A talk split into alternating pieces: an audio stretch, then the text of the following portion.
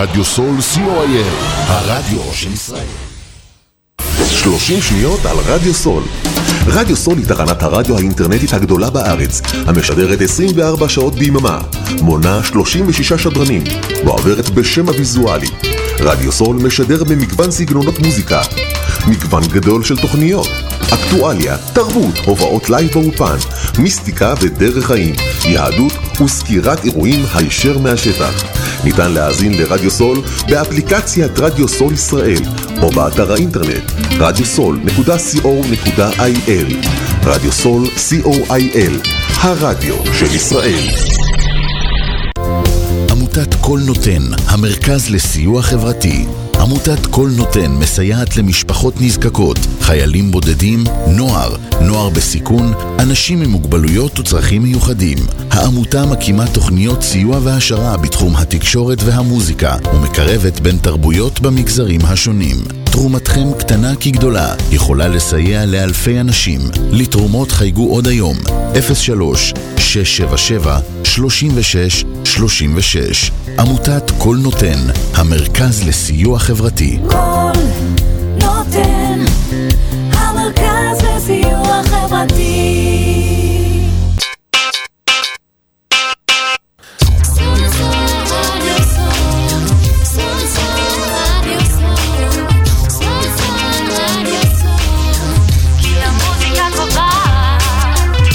המוזיקה קובעת,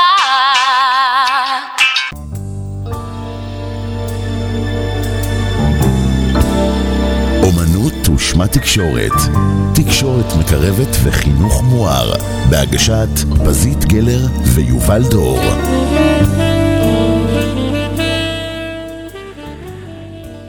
תודה שאתם מאזינים לנו.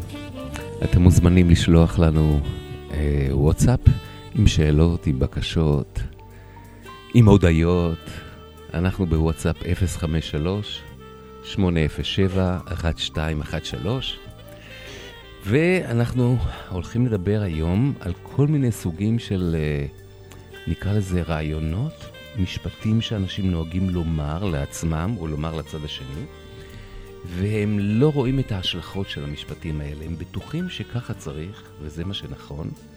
ואחד הדברים שאני תמיד מתפעם כשאני שומע אותך, פזית, זה שיש לך איזו יכולת, אה, בעיניי מאוד מאוד יוצאת דופן, לקחת את הדבר הזה, שעל פניו נראה הכל בסדר, ואני אפילו הרבה פעמים אומר לך, מה רע בזה?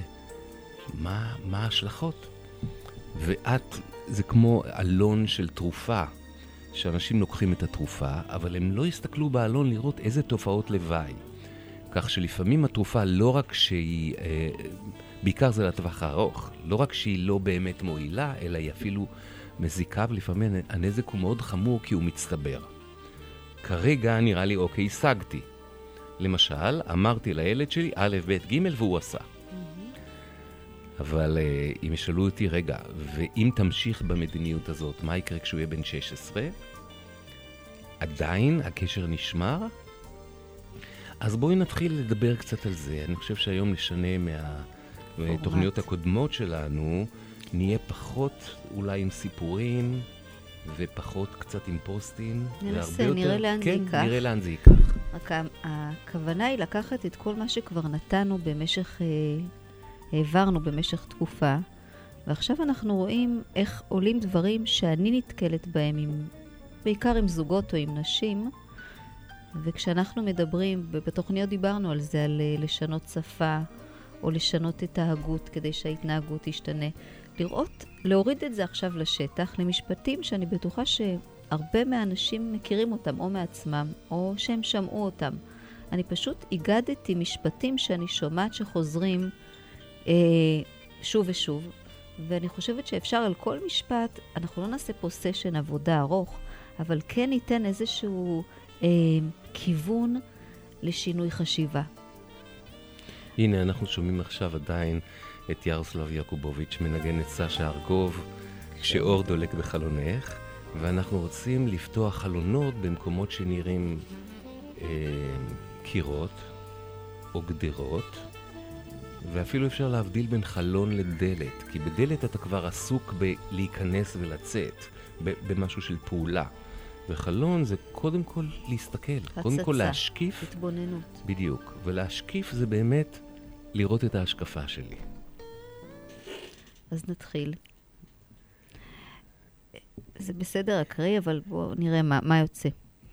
אה, אחד המשפטים שבאמת, אה, וזה דברים מאוד אה, חיים מהתקופה האחרונה, ממש מהשבועות האחרונים, מפגשים עם אימהות. קודם תכין שיעורים, אחר כך תצא החוצה. אימא שמספרת שאין מה לעשות. הילד, אין סיכוי שהוא יכין שיעורים, וברוב המקרים הוא פשוט יצא החוצה. אה, ואז בערב מריבות, והכנת, לא הכנת, אז קודם שיכין שיעורים, ואחר כך שיצא. עכשיו, אה, אנחנו תמיד מנסים להיכנס לעומק, ולראות, אוקיי, אז אמרתי את המשפט הזה. קודם תכין שיעורים, ואחר כך תצא. נכון. זה קצת כמו, קודם תאכל את המרק, ואחר כך תאכל את הקינוח. נכון. אז מראש, מן הסתם, שיעורים נתפסים כדבר מבאס. גם אם אימא לא אמרה את זה, וגם אם אני לא אמרתי את זה, אז הפרס זה לצאת החוצה. העונש זה להכין שיעורים. עכשיו, רק לתת על זה את הדעת תודעתית, זה מה, ש... זה מה שקורה. עכשיו, זה שוב, את אומרת בעצם, זה לא שעוד לא תגיד את זה, כי הרי זה תלוי בטון, וזה תלוי בילד, וזה תלוי בזמנים, וזה תלוי אה, מה אתה אומר לפני כן, ומה תגיד אחרי כן. זה בתוך מערכת שלמה. אבל, כמו שאת אומרת, לתת את הדעת. לתת את הדעת ולהיזכר באבני דרך או בעששיות שיכולים להנחות אותנו. כי אני למדתי, ופמפמו לי את זה ב- בלימוד השפה, לדבר על עצמי. אז הנה, אימא באה אלייך, והיא מתייעצת, כי, רוא, כי משהו בפנים אומר לה, או שזה במקרה יצא לה, משהו אומר לה, יש פה משהו להסתכל עליו. היא אומרת, הנה, עובדה, אני אולי הולכת ומאבדת את הקשר עם הילד שלי, או אני רואה שזה לא מועיל. Mm-hmm. ואז, אם אני מרגישה התנגדות, יש תמיד נטייה, כשאני חוטף התנגדות, אני, רוב האנשים נוטים לפעול בכוח כדי לנפץ את ההתנגדות. זאת אומרת, אני ש- סופג איזשהו גבול, ואז אני אני מרגיש את הגבול הזה ככפייה, ואני דוחה אותו. אני מתנגד להתנגדות. בדיוק, ואז אם החובה דחייה, אז היא מנסה לכפות עוד יותר. זה תמיד הצמד הזה של כפייה ודחייה. אז, אה, אז אני בעירות מה, איך את. מדברת איתה, עם אימא על זה? אז השאלה הראשונה היא מה עובר בתוכך כשאת, כשהילד צריך להכין שיעורי בית ולא מכין אותם. עכשיו נעבור קצת לתצפיות. כמה פעמים ראית את זה קורה בשבוע האחרון, שהוא היה צריך להכין שיעורי בית ובא ולא הכין והוא רצה לשחק. אנחנו נתפסים למה קרה, מה אפשר לראות, איזה, מה, מה אפשר לצלם, כדי שכשאני באה לשיחה עם הילד, כי תמיד המטרה היא להגיע לאיזשהו שיח או איזשהו דיבור שייצור חיבור. וכשאני עסוקה בפתרון של בעיה, פתרון בעיה עוצר אותי מלהיות בסקרנות לגבי הרעיון, העניין, מה שקורה בו, להיות בח, בחיים. אני ממש לא חיה כשאני פותרת, כשאני עסוקה בפתרון בעיות.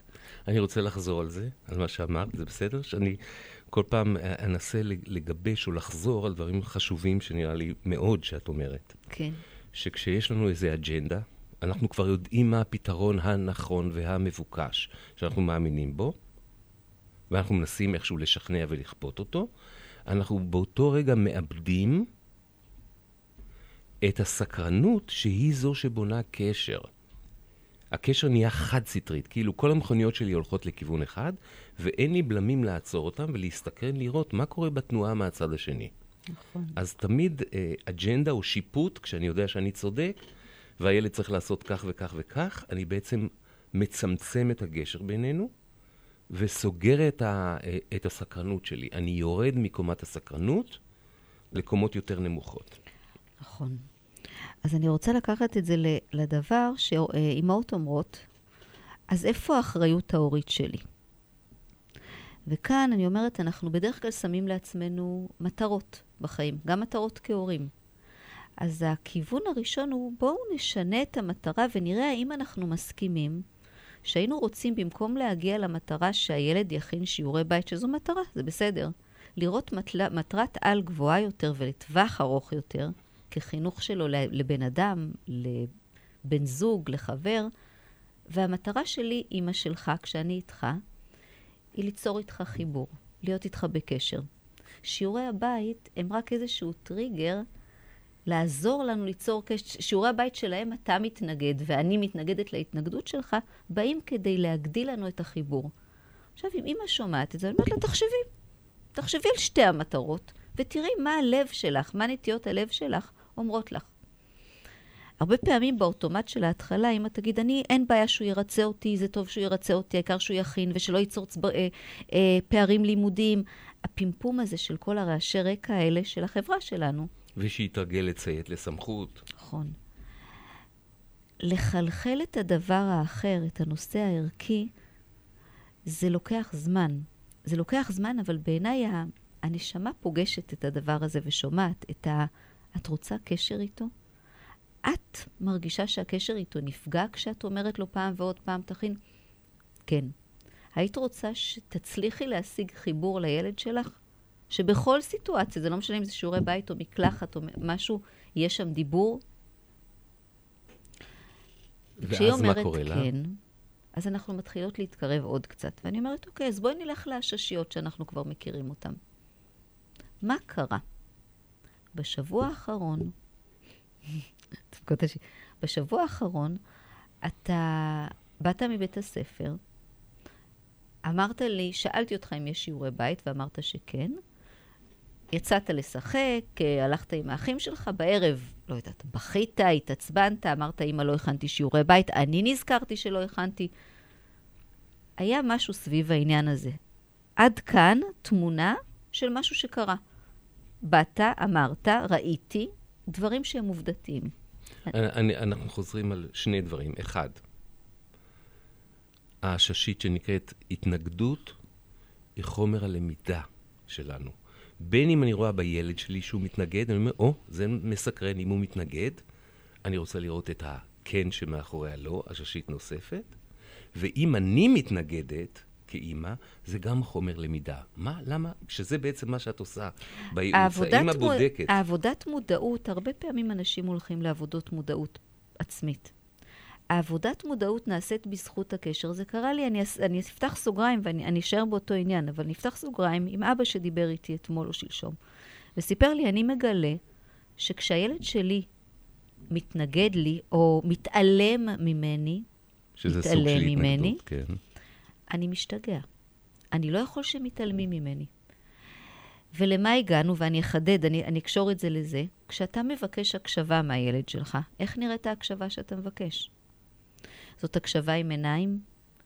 זאת הקשבה אחרת? והאימא אמרה, את יודעת, כשאת אומרת את זה, את יודעת מה עולה לי? שכשאני מדברת, אני הרבה פעמים רוחצת כלים. כשאני, אה, כשהם רוצים שאני אקשיב להם, אני הרבה פעמים תוך כדי אה, רחיצת כלים, תוך כדי, אני לא באמת בהקשבה שהיא הקשבה שאת עכשיו מעוררת אותה לתת את הדעת על מה זו הקשבה. אני, אני, היא אומרת בעצם, אני לא נותנת לילדים שלי דגם. איזשהו דגם של מה זאת הקשבה בלב פתוח, בלב רך, לא בהתעלמות, אלא אני מפזרת כל מיני רמזים של בעצם מצמצמים את גשר הרגש בינינו, את ההרגש של הזולת. הילד לא למד שאימא, חשוב לה לא סתם לשמוע את המילים שלו, אלא להרגיש אותו. אם אימא מראש אומרת לעצמה, אפרופו אה, דיבור פנימי כזה, אני באתי לפה לא לחנך את הילד שלי, אלא להיות עבורו השראה ודגם. כל התפקיד שלה יעבור שינוי. כי על כל צעד ושעל היא תשאל, יש פה דגם? כשאני עם הגב לילד שלי ודקה אחר כך אני אומרת לו, תקשיב לי, האם אני הקשבתי לו? זאת אומרת, זה לוקח אותנו מאוד פנימה, ואנחנו יוצרים השראה, אימא שהיא דגם. כשאת האימא הזו, הילד הזה יזכור כשהוא יספר לילדים שלו על תפקוד של אימא. אז אני אמשיך את הסיפור. את באמת, באמת מקום של רצון להיות דגם, ורצון להיות השראה, זה בעצם קשר. זה להיות בקשר. אתה יודע מתי הורים מסכימים לזה במפגשים שלנו? אה, באמת, הורים בעידן הזה במיוחד, הם רוצים אה, לדעת, אני אימא טובה, אני לא אימא טובה. אני מחנכת נכון, אני לא מחנכת נכון. הם צריכים לסתום את הרעיון באיזשהו מינוח. זאת אומרת, גם אם אני אומרת, אוקיי, אז את עברת מלהיות מחנכת ללהיות דגם והשראה. זה נשמע מצחיק, אבל, אבל להורים זה חשוב, שיהיה להם את המינוח לתפקיד שלהם. ברור, מאוד חשוב. נכון. אבל ברגע שקיבלתי מינוח שמניח את דעתי, למדתי ממך, אז אני יכול לחיות איתו בשלום ולפזר ממנו. אז אותו סיפור של הילד שלא מכין שיעורי בית וקודם תשחק, אחר כך, אה, קודם אה, תכין שיעורים, אחר כך תשחק, ברגע שדיברתי על עצמי. ואמרתי לעצמי, אלה, זאת התמונה שאני רואה. אז התחלתי בשלב הראשון, שזה באמת השלב הראשון, זה היופי שבמודל של מרשל רוזנברג, שתתחיל עם תצפיות, לתת ראיות, מה שאתה רואה, לתת עדות במקום לתת ישר דעות, כדי לבסס כמה שיותר נקודות הסכמה. נכון. נקודות הסכמה כבר יוצרות שלום, וכבר יוצרות פתיחות. נקודות הסכמה, נכון, ונקודות הסכמה תמיד יגיעו דרך עובדות שיש בהן משהו שאי אפשר לערער עליו. נכנסת בשש הביתה, נכנסת ב-12 הביתה, וכך וכך קרה. עכשיו, השלב הבא הוא באמת לזהות, וזה מאוד קשה, להורים בתחילת הדרך שאנחנו עושים. למה אני זקוקה? מה זאת אומרת למה אני זקוקה? למה את זקוקה? להקשבה? כן. לשיתוף פעולה? כן. ל... ועולים דברים. אז נניח אימא אומרת, אני רוצה, הרי חלק גדול מבעיות התקשורת זה מצב תודעה שאין לי זמן. אני רוצה שזה יהיה קצר ומהיר, לכן גם שיפוט הוא תמיד קצר ומהיר. אני לא פותח את זה למשא ומתן, כי הוא עתיר אנרגיה ועתיר זמן. לכן אני רוצה ציות, שאני אומרת והילד יודע שהוא עושה. ואני מוכן הרבה פעמים, בלי מודע, לשלם את המחיר הגבוה. שאני מנסה לכפות עליו, והדחייה הזאת תלך ותצטבר עד שבסוף הילד שלי לא סובל אנחנו אותי. לא מודעים לזה, כי כמו שאימא. אמרה לי אתמול, שישבה אצלי ואמרה, בסופו של יום אני הולכת לישון, ובסדר, היום עבר. ואמרתי שחשבתי על זה שאם היו מכות כחולות על הגוף, עם כל כאב כזה לא פתור, ועם כל עצב, ועם כל תסכול, ועם כל קשר מפוספס, אז הגופים היו מלאים במכות כחולות, אבל פשוט לא רואים את זה. ואז נגמר היום והולכים לישון ושוכחים. אז בואי נחזור רגע, ותכף נעשה קצת נסגור מחזור הפוגה, פעולה כן, של הסיפור של הזה. של הסיפור הזה. אז, אז היינו במשפט הזה, בתודעה הזאת, קודם תעשה שיעורים, ואחר כך תצא לשחק. איך, איזה תחליף, איזה אסטרטגיות אחרות, במובן הזה מחשבתיות ומילוליות, אתם מתחילים לדבר עליהן כדי שהאימא תגיד, וואו, זה באמת סוג של לא רק מילים, אלא תדר, מוזיקה פנימית, שאני יכולה ללמוד ל- ל- ל- לחבר את עצמי למקום הזה שמזכיר לי שאני אוהבת את הילד הזה, ושחשוב לי מאוד לטווח הארוך איך הוא יגדל, ושאני לא הולכת לוותר על הקשר בטווח הארוך בגלל שיקולים של הטווח הקצר. אז ההתעוררות לצורך שלי, הבאה ביושר בפני הילד, אה, מה אני רואה ולמה אני זקוקה. אז אם אני אומרת שלי חשוב את היום לסיים בשעה נורמלית בשבילי, אם, אם, אם לי חשוב כל מיני דברים שחשובים לי כדי שבשעות האלה, עד הערב, אנחנו נהיה מאורגנים למשהו. ואיך אני רואה את הדברים.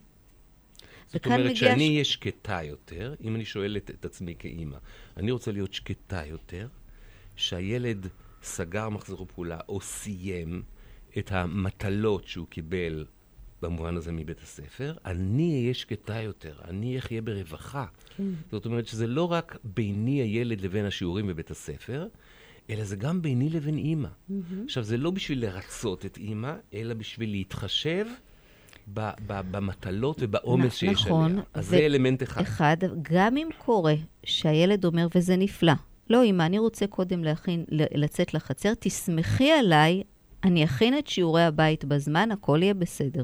כאילו, אני זקוק קודם למתוק, ואל ת, תדאגי, אחר כך את התזונה הכביכול מלאת הוויטמינים וכולי, אני, אני דוחה את זה לאחרי הארוחה.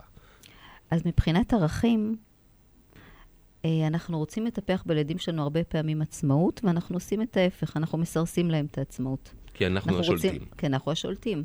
יכולת uh, לסמוך על עצמם, ואנחנו סומכ, לא סומכים עליהם, אז הם לא יכולים לסמוך על עצמם. אז אנחנו, אז את מחזירה אותה לזה שהיא רוצה לפתח בילד מוקד שליטה פנימי, שבטווח הארוך היא לא תצטרך כל הזמן לבזבז אנרגיה לשלוט עליו, לשלוט עליו, לכוון אותו, להזיז אותו, לחנך אותו. אלא היא אומרת, הילד הזה פיתח בהדרגה, וזאת השקעה. עכשיו אולי אני אשקיע בזה יותר זמן, וזה יהיה על חשבון דברים אחרים. אבל בסופו של דבר החינוך הזה יקל על שני הצדדים. גם הילד יקבל אה, ראייה יותר רחבה והשכלה בקשר להרגלים שעליו מקלים, ובוודאי שההרגלים החדשים האלה יקלו עליי. בטח, וגם ללמוד מה זה ניסוי וטעייה. מהמם. ומה זה כשאני אומר משהו, כביכול הסכם, ואני לא מצליח לעמוד בו. כי אמרתי לאמא, אין בעיה, תסמכי עליי. ואם היום למחרת תגיד, אני מאוד שמחתי, אבל תראה, לאור העובדות, כבר יותר קשה לי לסמוך, כי שמתי לב שהערב נגמר, ואתה היית עוד במשחק, ו... אז משהו שאני יכול... והתייעצת, בסוף עשית שיעורים כך וכך וכך, והמורה אמרה כך וכך. נכון. זאת אומרת, לתאר שוב מסך כל של הזמן ראיות. מול, מול העובדות. העובדות מביאות לחיבור תמיד. השיפוטים, כשאני אה, בתחילת כל דרך עם אימא, אני אומרת, תעשי רשימה בלי קשר לכלום, בשבוע עד המפגש הבא, של שיפוטים שיש לך בחיים שלך. אנחנו מלאים בשיפוטים. ספציפית במקרה הזה, בו מקרה. זמנית על הילד ועל עצמך, כל- אם מדובר על הדיאדה הזאת של הקשר. כל הזמן. הש... ר... ר- אנחנו כל הזמן, הוא עצלן. הוא אה, גם ככה, הוא... אה, אה, אין סיכוי בכלל שתתעורר בו מוטיבציה, הוא חסר מוטיבציה. אה, לא אכפת לו. הוא, אה, הוא לא מתחשב. כל הדברים האלה זה שיפוטים. עכשיו, זה בסדר שיש את השיפוטים בראש, כי הם מאפשרים לנו לפרוס יריעה מאוד גדולה של עובדות. אז יש עוד משהו שאני רוצה להגיד על זה.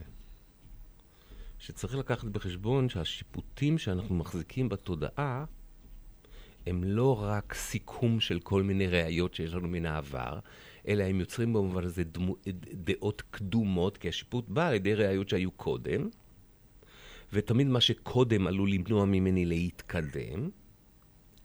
והדבר הנוסף, והוא העיקרי, שאוסף השיפוטים שלי קובע את מצבי הרגשי. נכון. ואני כבר נע רגשית, אנרגטית, מבחינת המוזיקה שהקול שלי, שהבעת הפנים שלי, שהילד סופג בעיקר את זה, זה כבר רווי אמוציות שקשורות לשיפוט. וכשאת עוזרת לאותה מישהי שמתייעצת איתך לפרק את השיפוט הזה, ולראות שיש אפשרות לשפוט בצורות אחרות, בהתאם לערכים מסוימים, מיד מצבה האנרגטי, הרגשי והמוזיקה, התדרים שהיא משדרת לילד, משתנים. נכון. ועוד סוגריים קטנים, זה קורה הכי הרבה בין זוגות. כשהשיפוטים העבריים ושהשק, שכבר אנחנו לא יכולים לראות את בן הזוג שלנו כמו שהוא היום. אנחנו רואים אותו עם כל מה שהוא צבר, כל נקודות החובה שלו במשך 20 שנה, 10 שנים, לא משנה כמה, וככה אנחנו עומדים מולו.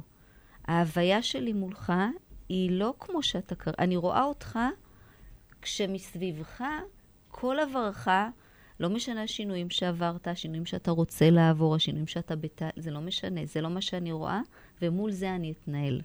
בניתי לעצמי משקפיים עם פילטרים, שכולם קשורים באוסף של המון המון המון שיפוטים, שהולכים ומאחרים את שדה הראייה, וזה כל כך לא פשוט להסיר את המשקפיים האלה ולראות את זה ממקום של כאן ועכשיו, ולא של שם ואז. ואולי לפני שנעשה רגע לא, הפסקה... אבל אני לא רוצה שנעשה הפסקה לפני כן, שאת כן, זה כן. נסגור. אני, אני אומר לסגור את הנושא שעליו לא דיברנו, והוא שכל השיפוטים האלה יושבים על צרכים שסופקו או שלא סופקו ושלא דוברו. זאת אומרת, חלק מהעניין הוא שלא בגלוי, או לא בצורה מושכלת, יכולתי לתאר מה מכעיס אותי, מה מייאש אותי, מה מעציב אותי, מה מפחיד אותי, איזה צרכים שלי לא נענו, איזה ערכים שיכולים להיות מקובלים שנינו מופרים כל הזמן. נכון. ואז, כשיש דיבור על הצרכים, כשיש את ההסכמה ואת ההבנה למה אני מדברת על הצרכים שלי, אני קודם כל מדברת עם עצמי. אחר כך כשאני פונה לילד ואני משתפת אותו, אנחנו מגיעים ברוב המק... בדרך כלל, אנחנו מכוונים להגיע לסוג של הסכם. וגם כשההסכם הופר, יש דיבור על ההסכם שהופר. ויש כל הזמן, אבל כל הזמן חיבור. תדר של אימא איתי, אני איתה, היא מכריחה אותי במרכאות להיות איתה בקשר. זה אימא שלא מוותרת על קשר עם הילד שלה. אני לא יכולה, בגלל שיש לי הרבה משפטים והרבה עניינים, וזה סשנים להרבה עבודה, אני, אני, אני אוכל במפגש הזה רק לתת uh, כיוון ולהשאיר את האנשים לקחת מזה מה שיקחו. להגיד שזו לא עבודה של יום ויומיים, זה תהליך שאנחנו עוברים ביחד בדרך כלל. אני שמח שיחסית עכשיו, במשהו כמו 25 דקות, ככה. זה פר, פרק זעם רציני, בעצם אה, הראינו פה כמה וכמה זוויות, ותיארנו בעצם מצבים, בואו נקרא לזה, אם אני הולך לשיר שאני רוצה לשים עכשיו, אה, שנקרא Stormy Weather, שזה קלאסיקה אה, בביצוע של ג'ף לין, שאני מאוד אוהב אותו, מ... שידוע בתור מ-Electric Light Orchestra. זה שוב תזמורת של אור החשמל, כי אנחנו רוצים להאיר פה דווקא מצבים של סערה. לפעמים הסערה הזאת היא פנימית, בתוך הילד, בתוך האימא. סערה אה, טומנת בחובה רעמים מוברקים, שיש הרבה מאוד בסוגים של יחסים. וגם ב- בימים האלה ראינו, נניח אתמול, איזה ברד ירד פה, mm-hmm. אה, באזור שבו אנחנו גרים, בעמק חפר, וזה שוב, אותם מים שיכולים לזרום בינינו ולאפשר לנו, אה, מה שנקרא, על מי מנוחות ינהלני, מה קורה כשהדיבור כתוצאה משיפוט מתמצק, וזה נהיה מכת ברד. Mm-hmm. ואז המילים מתחילות לפגוע. Mm-hmm. המילים כואבות והן קרות. נכון. והן הורגות את, ה, את, ה, את הניצנים של הקשר שיכולים לפרוח. שפריחת הפרדסים, הברד הורס אותה. אז את רואה שהאותיות של ברד זה ההפך מלדבר. Mm, יפה. ולכל דיבור יש רובד, רבדים. Mm-hmm. אז אנחנו דיברנו על הרבה הרבה הרבה, הרבה רבדים, רבדים ונמשיך לפרוס אותם. כן. אז בואו נשמע את, את Stormy Weather בביצ... בביצועו של ג'ף לין.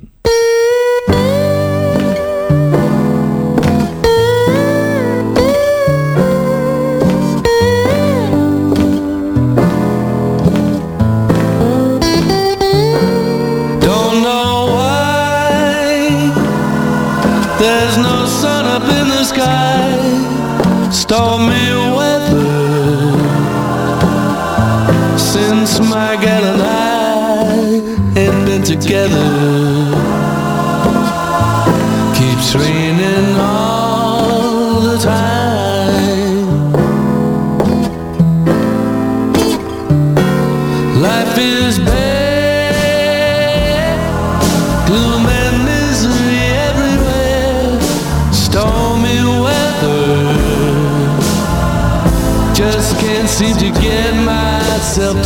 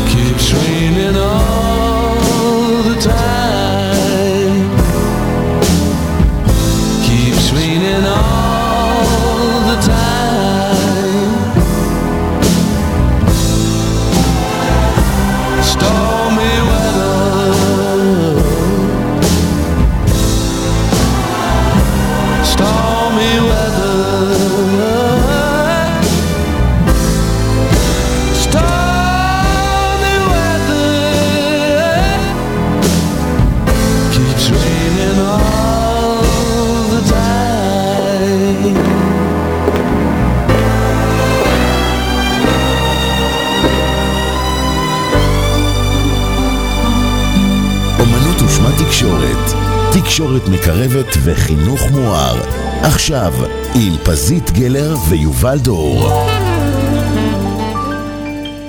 אנחנו מדברים עכשיו על איך כתוצאה מהסערה אפשר בכל זאת להביא גשמי ברכה. זאת אומרת, להגשים משהו של ברכה, וברכה תמיד קשורה בקשר, בחיבור. כשיש חיבור, הדברים מתחילים להיות מבורכים. ובגשמי ברכה יש תמיד רכות, בתוך הברכה יש רוך. נכון. אמ, אז יש משפט נוסף, נדבר עליו. אוקיי. המורה אומרת שחייבים להתחיל טיפול תרופתי. הכל הוא עושה ההפך, קופץ מדבר לדבר. אומרת לי האימא. היא אומרת שיש לו מורה שמנסה בשבילו, לעשות בשבילו הכל, וכל הזמן היא מקלה עליו, אבל אין מה לעשות. אם רוצים שהוא יהיה בכיתה, הוא חייב, ושזה לטובתו. ושזה לטובתו. אז... אה, הנה, אז זה מסוג הדברים שעל פניו זה נשמע מעולה. יש ילדים שבאמת זה יהיה לטובתם. נכון. אמ, רק העניין הוא כזה, כשילד צריך, כשהמורה אומרת שילד צריך להתחיל טיפול תרופתי, קודם כל, מה הראיות? על סמך מה אנחנו אומרים שילד צריך להתחיל טיפול תרופתי? מה אנחנו רואים באמת? ולא מעט פעמים אנחנו ב- יכולים לראות שהוא מפריע להתנהלות של הכיתה. הוא מפריע לי, המורה. הוא מפריע, הוא מפריע. כן, לילדים אחרים. לילדים אחרים, הוא קם ויוצא וחוזר ושוב הולך ושוב בא. ואולי אפילו יש אלמנטים אלימים, כמו פתאום זורק את המחברת. נכון, והבעת הפנים שלו כשהוא חסר מנוחה מכניסה ילדים אחרים לחוסר מנוחה. נכון. ורואים שזה איזה, יוצר איזושהי תזזיתיות, והילד עצמו לא שמח. נכון. אז אנחנו אומרים ככה, אה, אם אני מרגישה משהו מסוים לגבי ההתנהגות שלו, חשוב שאני אדע לדבר איתו על מה אני רואה, מה מפריע לי, מה הייתי מצפה שיהיה אחרת. כי ברגע שאנחנו לוקחים או נותנים, נותנים לו כדור להרגיע, אנחנו אומרים הרבה פעמים, אנחנו רוצים לראות הקלה. היינו רוצים לראות הקלה במשהו. ואת אומרת את זה, חייבים לפרט לעדויות, בדיוק. לעובדות. למה בדיוק מה אנחנו בדיוק רוצים אני לראות. רוצה לראות, מה אני רוצה לראות, איך זה נראה, מה אני יכולה לעשות. מה אני יכולה לעשות כדי ש... אני, מה אני יכולה לבקש ממנו? מה אני יכולה להגיד לו? מה אני יכולה להגיד לו שבדיוק בס- כמו שאנחנו עושים. אתה יודע, שמתי לב שכשאתה קם, שלוש, ארבע פעמים, הולך, יוצא, הולך, חוזר, אני מאבדת את הריכוז שלי בכיתה. אני מוצאת את עצמי, לא יודעת מה להגיד, מתבלבלת, כי ההליכה הזאת שלך, אותי, לי היא מפריעה. זה מזמין את המורה להיות ב... לא סתם אה, כנות, אלא איזה סוג של חשיפות נכון. ומוכנות להיות באיזושהי, באיזשהו רובד של פגיעות, שהיא חושפת את הצרכים שלה. וזה שוב תלוי מאיזה אנרגיה היא אומרת את זה. האם זה נעשה באנרגיה של קורבנות, תראה, או באנרגיה של נזיפה והאשמה, תראה מה אתה עושה ולמה אתה גורם.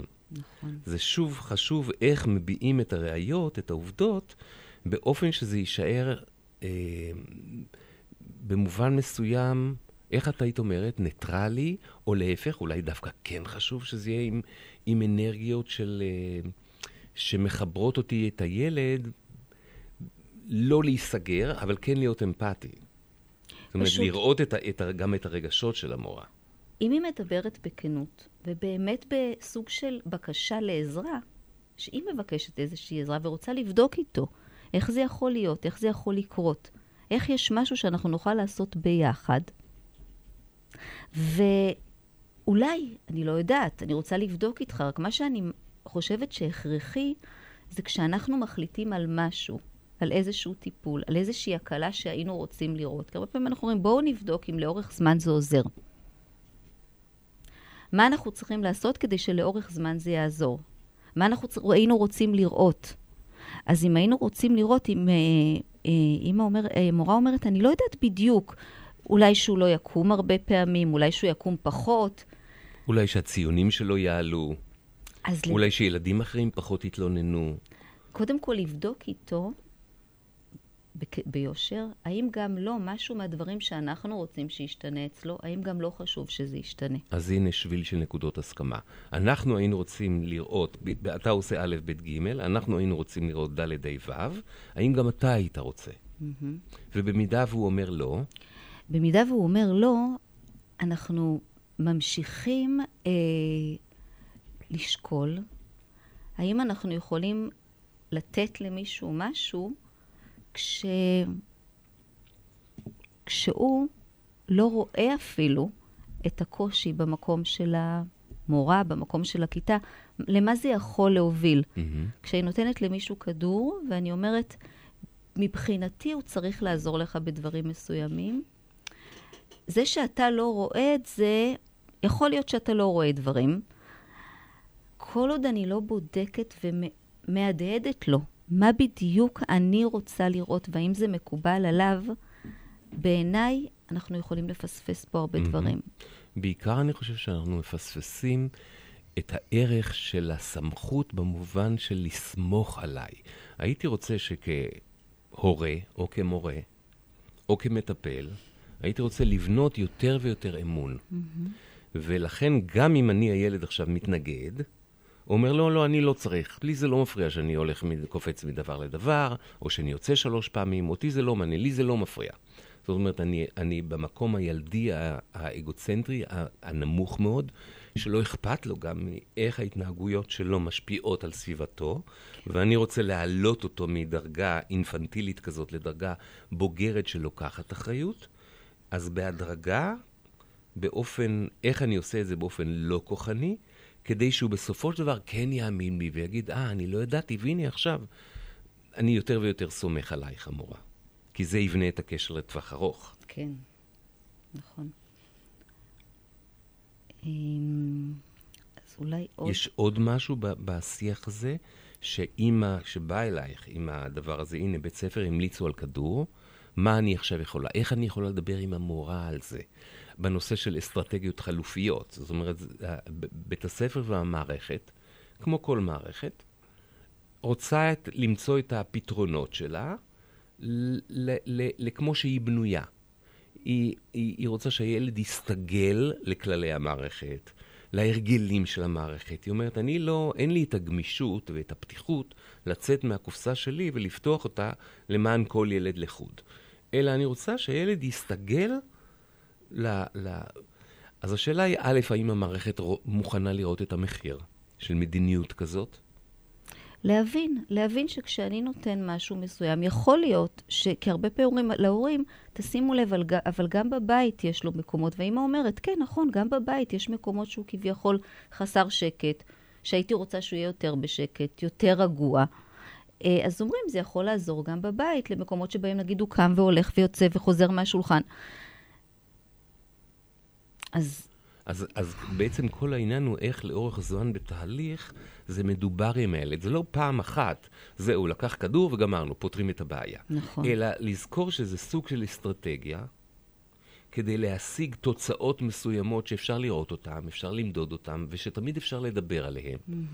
ו- ו- וכל הנ- וה- והדגש שאנחנו כל הזמן מדברים עליו, זה הששית הבסיסית של connect before correct. לפני שמנסים to correct את הבעיה, לתקן את הבעיה, במובן הזה לתת ריטלין. במובן אחר זה יכול להיות להעניש או לתת פרס. במובן אחר זה לתת לו תעודה של הקלה, שהוא לא חייב לעשות את הכל.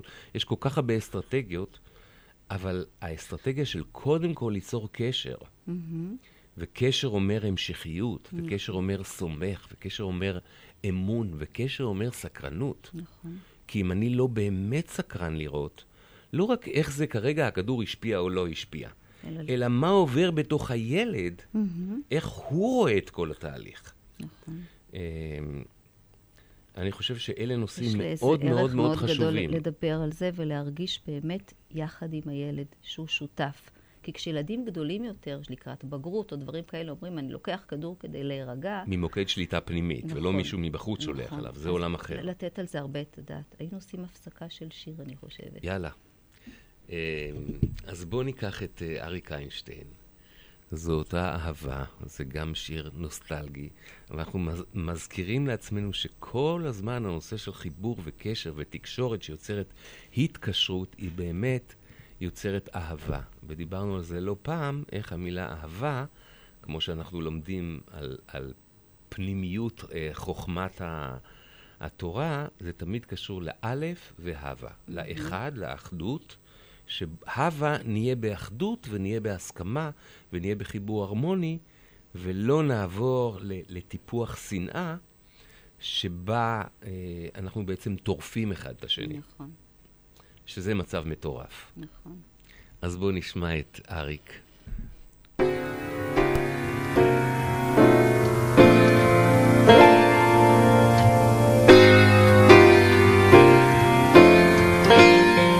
כשהיינו צעירים, את זוכרת?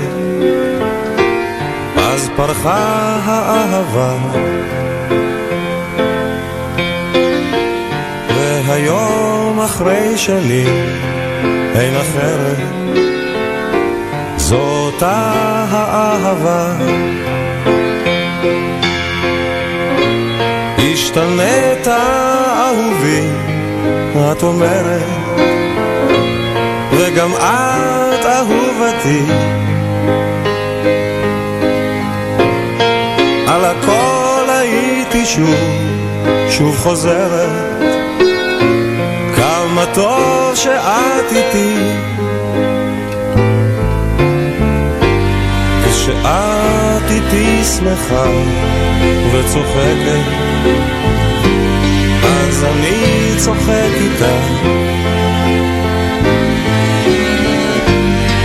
וכשאת פתאום בוכה וכואבת.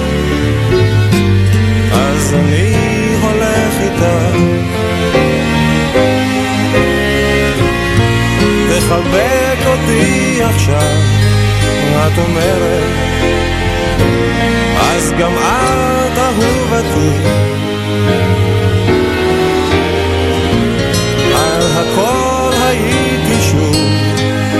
חוזרת. כמה טוב שאת איתי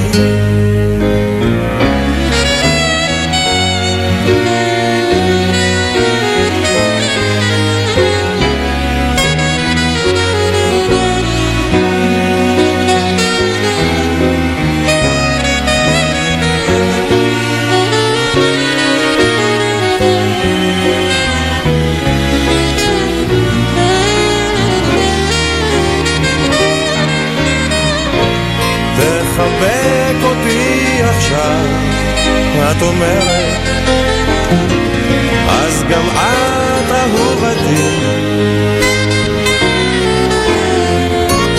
על הכל הייתי שוב, שוב חוזרת, כמה טוב שאת איתי.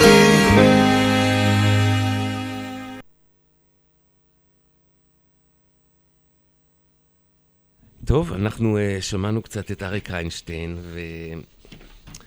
ואני הייתי רוצה עכשיו לקרוא איזשהו סיפור שנעשה רגע הפוגה מהשיחה הזאת על המשפטים, ונלך לאיזשהו סיפור שמלמד אותנו קצת על כמה לפעמים דווקא חוויות מפתח, לא דברים שהם, אה, אה, נקרא לזה, מצטברים, אלא יש לפעמים איזשהם חוויות מפתח שיוצרות איזשהו טלטול רגשי, ושהן שוברות בתוכנו, בעיקר כילדים, איזשהן אמונות מגבילות ומאפשרות לנו לחוות אחרת את החיים.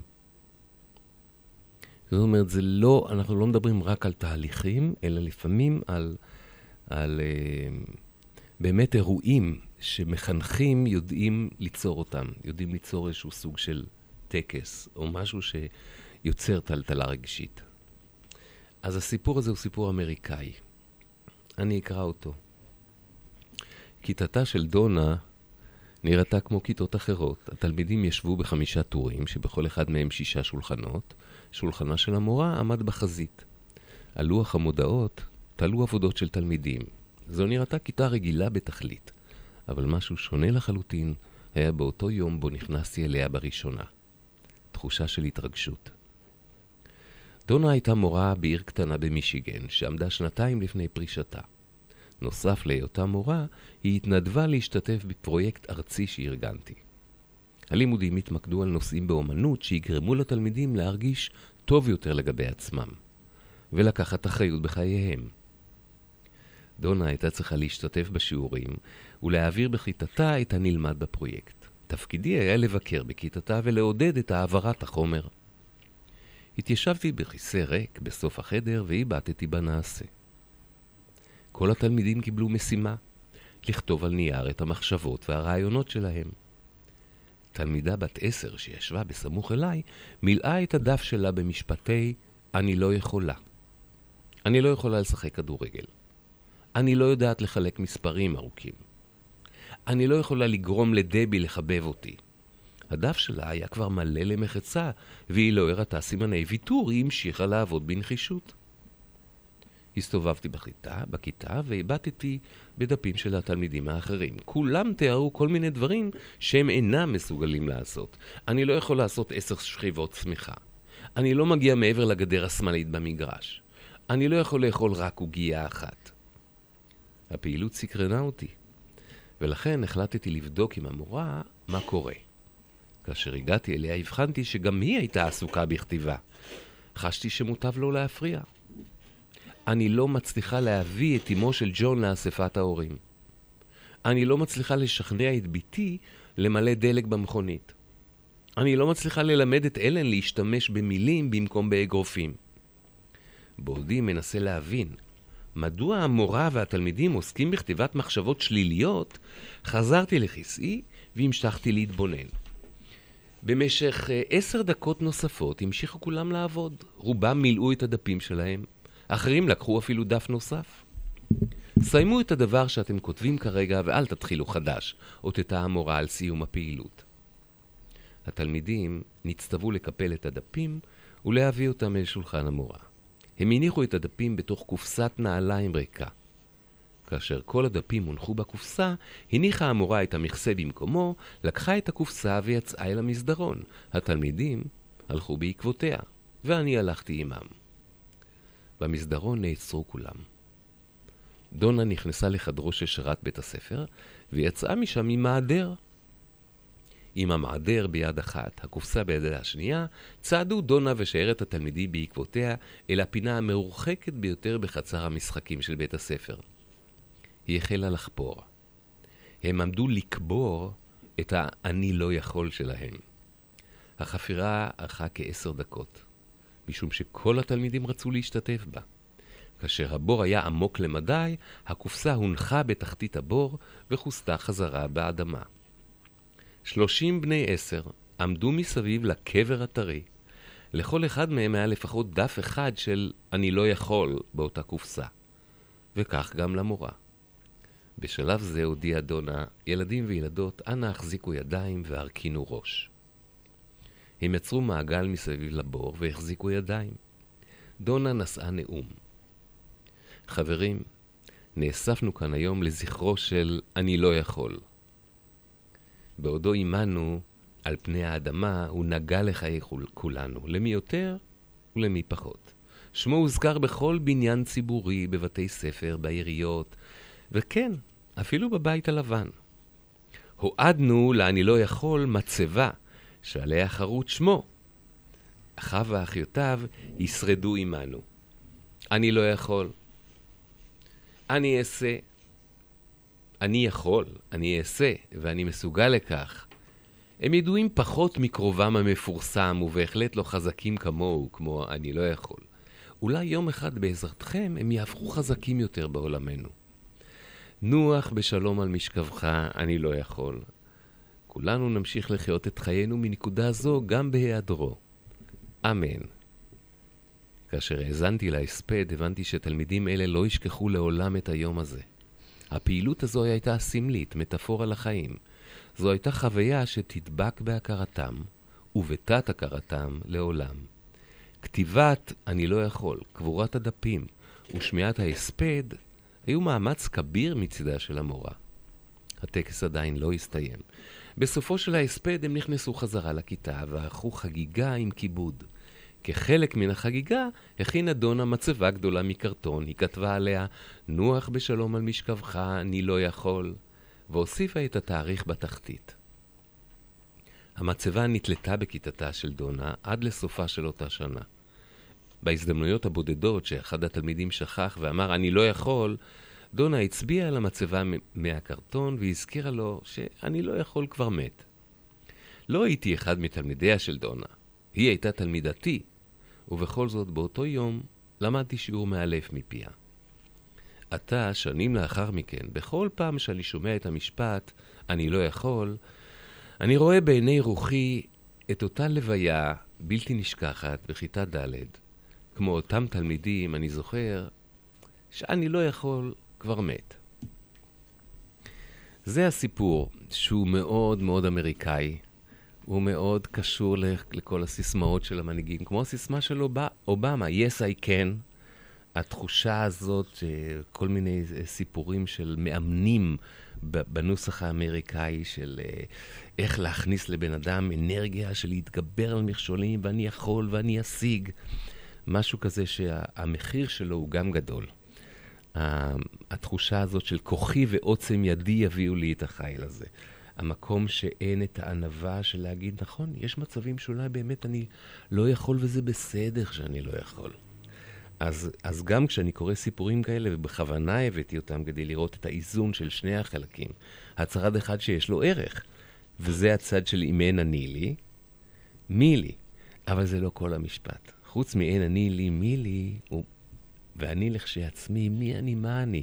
המוכנות הזאת גם לראות צדדים נוספים, אה, היא גם חשובה מאוד, וגם בסוג של העזרה שאני זקוק לאחרים כדי לשבור את האמונות המגבילות שלי. זה לא רק שאני, יש לי אמונות מוגבלות, אוי, אני לא מסוגל, אני לא יכול. שחשוב לאפשר לפתוח אסטרטגיות אחרות. Mm-hmm. אבל בו זמנית גם לדעת שאני הרבה פעמים זקוק לך. לשיח, לא רק בתוכי, להיאחז בשלט הזה, אני לא יכול כבר מת. Mm-hmm. אלא לראות תמונות מורכבות יותר. יש לך משהו פזית ל... ככה להגיד לפני שנשמע מוזיקה בקשר לסיפור הזה? אה, לא, כי לא הצלחתי לשמוע אוקיי, לשמוע אותו עד הסוף. כן, מההתחלה. אז אה, בואו נעשה רגע הפוגה מוזיקלית, וניקח את בדיוק בזמן של נופיה, אה, שהיא זמרת יחסית צעירה וחדשה, והנוף של היה הזה יחבר אותנו לנופים אחרים, כי אנחנו לקראת סיום השעה הראשונה שלנו. בדיוק בזמן, רגע לפני שהתעייפתי,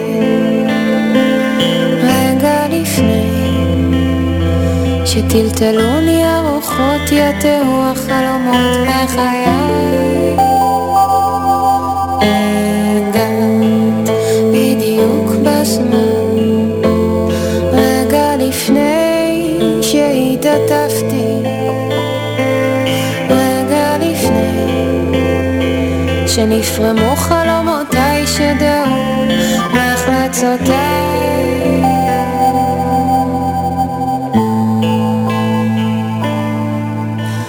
רגליי נצרבו בחור, נפשי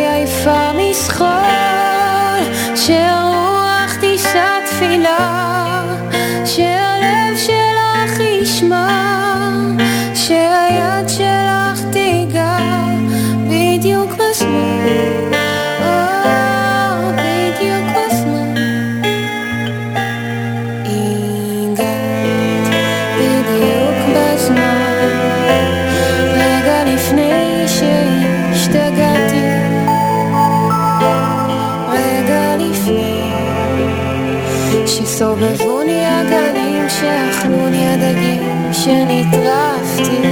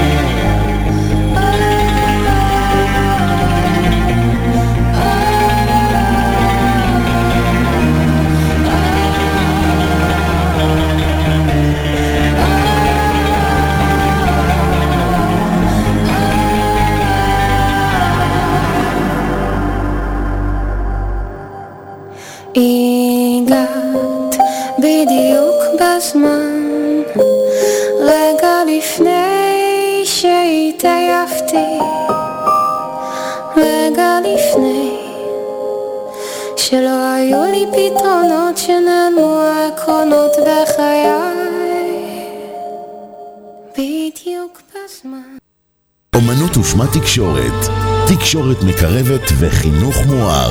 עכשיו, עם פזית גלר ויובל דור. אז אה, אה, לקראת סיום השעה הזאת, איזה סוגים של משפטים היית רוצה שנדבר עליהם ונראה את המורכבות שלהם בשעה הבאה שלנו? שוב אני אלך על משפטים שאני שומעת לא מעט. אה, משפט כמו,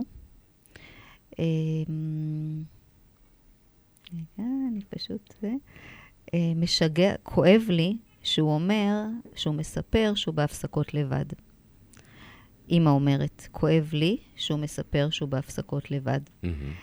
אה, עד כמה משפט של מה רע בזה, כמו שאמרנו בהתחלה, מה רע בזה, אה, זה לא רע, עניין של רע בזה, זה עניין מה ההשלכות של זה. ואני חושבת שכל אימא שעוברת את התחושות האלה ויכולה להגיד אפילו, אחרי שהוא אמר לי את המשפט הזה, אני כל היום במחשבות שלי, זה מה עובר עליו בהפסקות. הוא לבד, אין לו חברים. כל הדבר הזה, כל העניין הזה, יש הרבה על מה לדבר עליו. שוב, בנושא של חיבור, של קשר, של איפה התערבבנו, איפה הוא מתחיל ואיפה אני מתחילה, איפה, איפה אני שמה את הפחדים שלי עליו. כל זה זה נושא, כי יש המון אימהות שסובלות כשהן יודעות שהילד עובר משהו ששונה ממה שלהם נראה שצריך להיות. אז זה ואת חשוב. מכירה את זה מחייך. מכירה את זה היטב. מאוד מחיי. אני חושב שכל מה שאת מביאה הוא תמיד דברים שאת כבר עברת דרכם ולא... עוברת, עברתי, דרכם, עוברת, כן. ובשעה הבאה. בשעה הבאה. נצא לפרסומות. סול co.il, הרדיו של ישראל. 30 שניות על רדיו סול. רדיו סול היא תחנת הרדיו האינטרנטית הגדולה בארץ, המשדרת 24 שעות ביממה, מונה 36 שדרנים, ועוברת בשם הוויזואלי. רדיו סול משדר במגוון סגנונות מוזיקה, מגוון גדול של תוכניות, אקטואליה, תרבות, הופעות live באולפן, מיסטיקה ודרך חיים, יהדות וסקירת אירועים הישר מהשטח. ניתן להאזין לרדיו סול. עמותת קול נותן, המרכז לסיוע חברתי. עמותת קול נותן מסייעת למשפחות נזקקות, חיילים בודדים, נוער, נוער בסיכון, אנשים עם מוגבלויות וצרכים מיוחדים. העמותה מקימה תוכניות סיוע והעשרה בתחום התקשורת והמוזיקה ומקרבת בין תרבויות במגזרים השונים. תרומתכם קטנה כגדולה, יכולה לסייע לאלפי אנשים. לתרומות חייגו עוד היום, 03 677 36 36 עמותת כל נותן, המרכז לסיוע חברתי. כל נותן, המרכז לסיוע חברתי.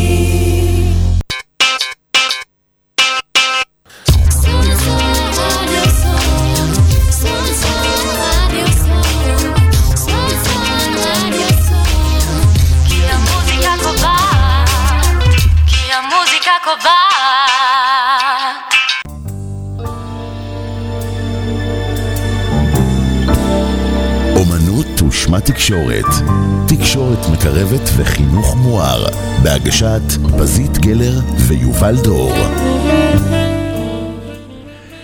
אז אנחנו תכף ניכנס, ל... תכף ניכנס למשפטים האלה, שכל כך חשוב למולל אותם, להתבונן בהם. אה, אני אתחיל לפני כן באיזושהי מטאפורה, שהיא הקדמה לשיר הבא, של גידי גוב, כי המטאפורה היא כלים שלובים. הרבה פעמים כשאנחנו בתקשורת, אנחנו ב... מלמעלה למטה. זאת אומרת, אנחנו ההורים, המנהיגים, המורים, המפקחים, השוטרים, הם אלה שרגילים שהסמכות היא סוג של מרות, שאנחנו זקוקים להכתיב למי שמתחתנו. זה מה שנקרא power on, הכוח הוא על מישהו, מעל מישהו, שממילא יוצר או צייתנות או מרי, זאת מרות. לעומת סמכות ש... שבאה מכך שאנחנו סמוכים וקרובים אחד לשני. כלומר, נכון שאני האב, יש לי הרבה יותר ידע ואולי חוכמה וניסיון חיים וכולי, ולכן הכלי שלי הוא כלי פשוט מלא יותר וגדול הרבה יותר. אבל, ו... והכלי שבצד השני הוא כלי קטן וחסר ניסיון, כמו ילד. אבל זה עדיין כלים שלובים, זה עדיין בגובה העיניים, מה שנקרא בגובה הלב. אה, אני יודע שגם אני הייתי פעם כלי קטן, ועוד אני עלול להפוך לכלי קטן, כמו שרואים הרבה פעמים אנשים זקנים, שהכלים שהיו להם, כולל כלי הביטוי שלהם, נניח הם פתאום מקבלים, לא יודע, שבץ או אלצהיימר או משהו, ופתאום הם לא יכולים להתבטא בכלל. אה, והכלים שלהם מאוד מאוד הצטמצמו. ואז מי שהיה קודם ילד, הוא פתאום הכלי שלו גדל והוא מטפל. אז המקום הזה של כלים שלובים בגובה העיניים, בואו נשמע עכשיו את uh, גידי שר, זה שוב uh, יוני רכטר ואהוד מנור, ונתעסק בכלים שאנחנו היינו רוצים לעסוק בהם בשעה הזאת. באת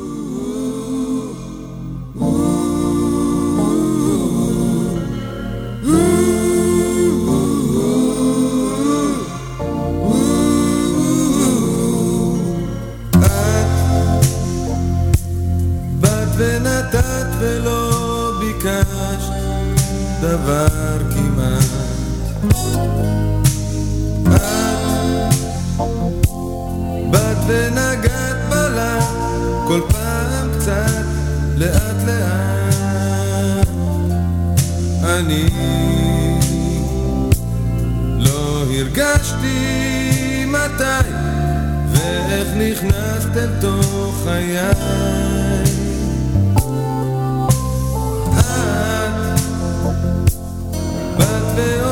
אהבת, כאבת ולא עזבת. את באת ונשארת נשבעת בכל משפט, בכל מבט. אני עוד הייתי אי שם כשאת נכנסת אצלי לדם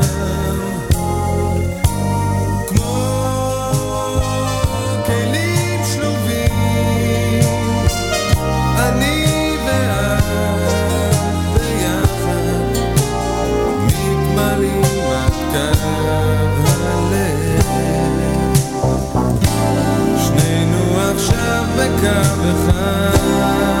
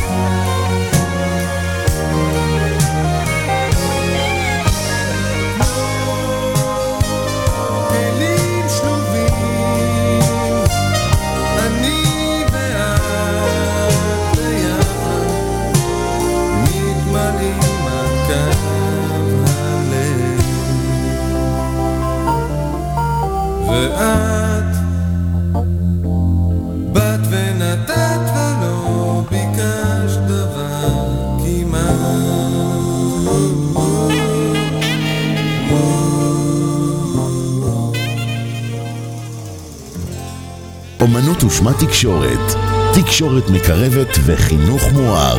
עכשיו, עם פזית גלר ויובל דור. אז את באת ונתת, ולא ביקשת דבר כמעט. המקום הזה, א', של רצון להיות בנתינה, לא כמסחר, לא כדי לקבל משהו, שזה נושא מאוד מאוד גבוה. והצד השני זה אם כבר יש דבר שאני מבקשת, נניח כאימא, זה ללמוד איך לבקש, ומה ההשלכות של הבקשה. והאם אנחנו מדברים על בקשה או על דרישה, ומתי הבקשה נשמעת כטענה, כנזיפה, כביקורת, שזה הפרשנות של הצד השני ששומע את הבקשה. קשה לו מאוד לשמוע את הבקשה כי הוא רגיל לשמוע דרישות, והוא רגיל לשמוע נזיפות, ותלונות, וטענות. אז כבר הפילטרים שלו מונעים, ולכן זה דורש הרבה כוחות נפש הרבה פעמים לבקש, מבלי לכפות את הרצונות ואת המאוויים שלך על הצד השני. נכון. ודבר נוסף, שאליו עוד ניגע גם בו, נשים עליו גם זרקור, זה המקום שאני אומרת משהו, ואני לא נותנת את הדעת על ההשלכות, כי לפעמים אני לא יודעת או יכולה לתת את הדעת על ההשלכות, ויותר מזה, זה נראה לי נכון. אז קודם נלך למקום הפנימי, שאימא כואבת את זה ואומרת, הילד סיפר לי שהוא לבד בהפסקות, שהוא בלי חברים. אה, הוא סיפר לי על זה בשוויון נפש, הוא לא סיפר לי על זה ממקום, אבל לי כואב לשמוע דבר כזה, שהילד שלי לבד, בטח מה הוא עובר. בנוסף, מאז אני מקפידה לשאול אותו כל פעם שהוא חוזר מבית ספר, אם כבר הוא שיחק היום עם מישהו. המורה אמרה לי, כששיתפתי אותה בזה שהוא לבד, היא אמרה לי שהיא מנסה לצוות לו ילדים כדי שהוא לא יהיה לבד.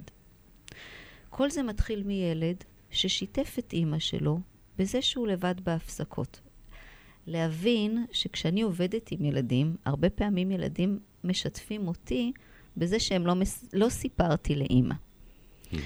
והלא סיפרתי בא כי אני קולטת שילד הרבה פעמים מעדיף, כשהוא מרגיש את הלחץ, את הדאגה, את הלא סומכת של אימא, את הערבוב הזה, כשהוא בסך הכל בא לשתף, הוא לא ביקש עזרה. הוא לא אמר שלא טוב לו, הוא לא אמר שהוא סובל, הוא עשה דבר מקסים, שהתחיל מקסים, בלספר לאימא שהוא, שהוא לבד בהפסקות. הכדור של שלג של זה יכול להיות מצב שבו הילד יכול באיזשהו מקום להגיד, לא בא לי לשתף את האימא הזאתי. אם היא כל יום עכשיו שואלת אותי, אם היא יודעת מראש והיא אומרת לי מסדרת את הכל מסביב כדי שאני אשחק עם מישהו, זה אומר שבעצם אני לא בסדר שאני לבד. ויש ילדים שרוצים להיות לבד. יש ילדים שהלבד הזה טוב להם. יש ילדים שלא רוצים בכלל, הקטע הזה של להתבונן במה קורה אצל אחרים, בלהיכנס בקצב שלהם. אז מה שקורה שם, והעבודה שאני בדרך כלל עושה מול אימא, זה קודם כל, שוב, באותה תבנית. כשאתה מספר לי שאתה משחק לבד, אתה רוצה לשתף אותי, אתה רוצה לשמוע מה אני חושבת על זה, אתה רוצה ממני איזה... למה אתה מספר לי? סתם, אמא, אני מספר לך. תודה. או, אמא, זה... אני רוצה שיהיו לי חברים. וגם אז, וכשאתה מספר לי שאתה רוצה שיהיו לך חברים, אתה מספר לי כדי שאני, שאתה רוצה שאני אעשה משהו? שאני אגיד לך משהו, שאני אציע לך משהו. פה זה תמיד מקום סקרן לגבי מה הילד מביא. זה לא אומר שאם הילד יגיד, אמא, תתקשרי לחבר שיבוא אליי, אני אלך לעשות את זה.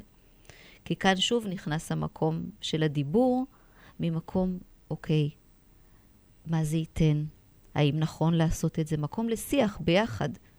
אתה חושב שאם אני אתקשר, זה ישיג את המטרה? האם אפשר אולי לעשות... זה פותח למגוון של אפשרויות, כשאנחנו שוב לא נעולים על נכון או לא נכון. לא נעולים על זה שיש לילד הרבה חברים זה טוב, וזה שילד לבד זה לא טוב, וזה שילד לבד צריך לדאוג לו שיהיו לו חברים. זה שוב אני יודעת עליו בלעדיו, אני לא בודקת איתו, כי ב-99% מהמקרים כשאני שואלת אימא, אה, ומה הילד אומר על זה, היא אומרת, לא שאלתי אותו.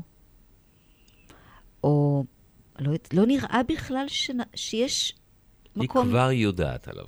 זה נקרא דעה קדומה שבאה מהתסריטים שלה. רק שלה. מהדמיונות שלה.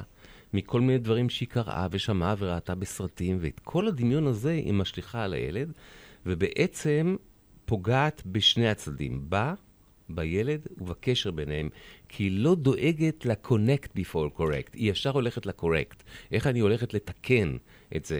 נכון. הרבה ו... פעמים אני, אני נותן את הדוגמה שיש לה הרגשה שהילד אולי לא רואה משהו, זה כמו מנורה שלא מאירה. וישר רוצים לתקן את המנורה, להחליף שם משהו במנורה.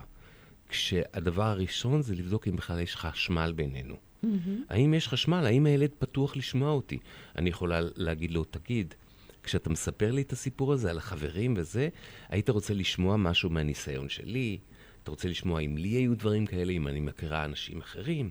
מה אתה היית מבקש ממני? זה לא הבעיה שם ואז, אלא מה קורה בינינו here and now, כאן ועכשיו כשאנחנו מדברים, שזה העיקר. העיקר זה עכשיו איך לחזק את מה שאנחנו קוראים לו גשר, הרגש בינינו, שיהיה אמון ו- ושמחת המפגש בינינו. נכון מאוד, ויותר מזה אפילו, לא יותר מזה, ב- יחד עם זה, לקבל מצב שהילד המקסים שלי אומר, אמא, לא רוצה שתציעי לי. להודות על זה שהוא בכנות איתי. להודות על זה שיש לו את עצמו, והוא לא תמיד צריך אותי מעורבבת איתו. שהוא דואג לנפרדות כשאני לא דואגת לה. כשהוא עוזר לי להפריד כשאני לא יודעת להפריד.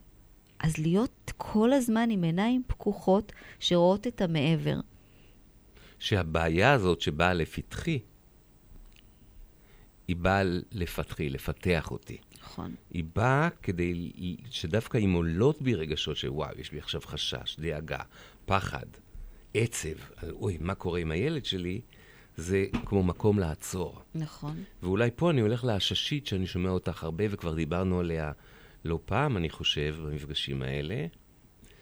והפנס הזה שאנחנו מסתכלים נקרא, תהיי לידו, לא במקומו. נכון. אמא ישר נכנסת לתסריט שלה, של מה הילד שלי מרגיש, ואז היא לא יכולה באמת לשמור על הקשר ולעזור עזרה אמיתית, כי היא כבר יודעת במקומו. היא לא ולא... יכולה אפילו להקשיב לו. כשאני במקום הילד שלי, ואני סובלת את הכאב שלו, ורע לי שאני מאמינה שכשרע לו, אני לא יכולה להקשיב לו. אני לא מסוגלת להקשיב לו. אני הפכתי להיות הוא. אני הפכתי להיות הקטנה, ולזה זה דוחה ילדים. הם לא יכולים לסבול את זה כי הם מרגישים חסרי ביטחון כתוצאה מחוסר הביטחון של ההורים שלהם. שאימא כבר מנסה לפתור לי את המצב, ואז היא בעצם גוזלת ממני היא נהיית אני. כן. וכשהיא נהיית אני, היא נהיית באמת ילדה קטנה, מפוחדת, עם תשובות, בלי, בלי סמכות, עם בערעור מאוד גדול, היא משדרת את כל זה. יכול להיות שאפילו היא להפך, מנסה לשדר את ההפך. היא שמה יש- את המסכה שלה חזקה ויודעת, והנה, אני אגיד לך מה צריך לעשות. אבל היא בו זמנית, כשמאבדת את הסקרנות לילד, היא, מסתירה ומעמידה פנים של אחת יודעת וחזקה והכול, מכסה ומחביאה את הדאגות והחששות שלה. ו- והקריטריון לזה זה על מה שדיברנו קודם. היא איבדה בעצם את הסקרנות להמשיך לשמוע את הילד ולבדוק אותו יותר, ולחפש עוד ראיות, ולדבר ביושר על הרגשות, ולהעלות למודע את כל הצרכים שיש לילד והצרכים שלה. למה היא רוצה להיות רגועה שהילד בבית הספר, וה-well-being שלו טוב. בשמחה, הרי היא יכולה לדבר על זה, להגיד, לי חשוב שבית הספר תהיה מבסוט. ואני רוצה לבדוק איתך האם זה עושה אותך מבסוט או לא, מה אתה רוצה. אבל שם קורה משהו מאוד מעניין. ברגע שאני במקומו, אוטומטית, אני נהייתי אתה, או אני נהייתי הילד. אז אם אני הילד, אז העבודה שלי כרגע היא בלפתור את הבעיה. כמה שיותר מהר, כי יש בעיה וצריך לפתור אותה. רק אם אני לא הילד, אני יכולה להיות בסקרנות הזו ובבדיקה הזו. כי אם אני הוא, אז כרגע צריך לפתור את זה, כרגע צריך לטפל בזה, כי אני הילד, אני הילד סובלת, סובל. נכון. אולי אנחנו. חוזרים לזה, תכף נשמע שיר, אנחנו חוזרים למסכת אבות ולמשפט, אל תדין אדם עד שלא הגעת למקומו. עכשיו, כשאתה ממ- ממהר בדמיון להיות במקומו של הילד, ואת, כי אתה כבר שופט, אה, אז זה לא בסדר שאין לו חברים. אה, אז הוא בטח מרגיש כך וכך וכך. אני, ב, לפני שבררתי שאני באמת יכול להיות במקום הרוחני שהוא נמצא. בשביל זה אני צריך לברר באיזה מקום פנימי הוא נמצא. ולפעמים הבירור הזה לוקח את הזמן שלו. נכון, נכון. אז אה, זהו, בואו ניקח את השיר אה, איזה? של, אש כמו ליבי של דין דין אביב. נופל איתך אחר כך בחושך הקסם נעלם רק עומק מבטייך בצער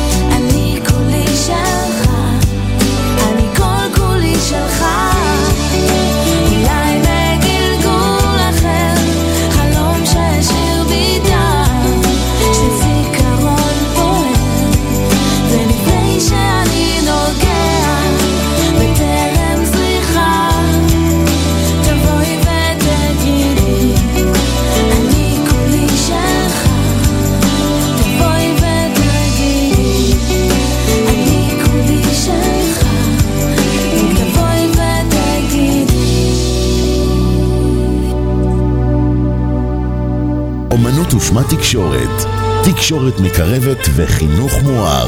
עכשיו, עם פזית גלר ויובל דור.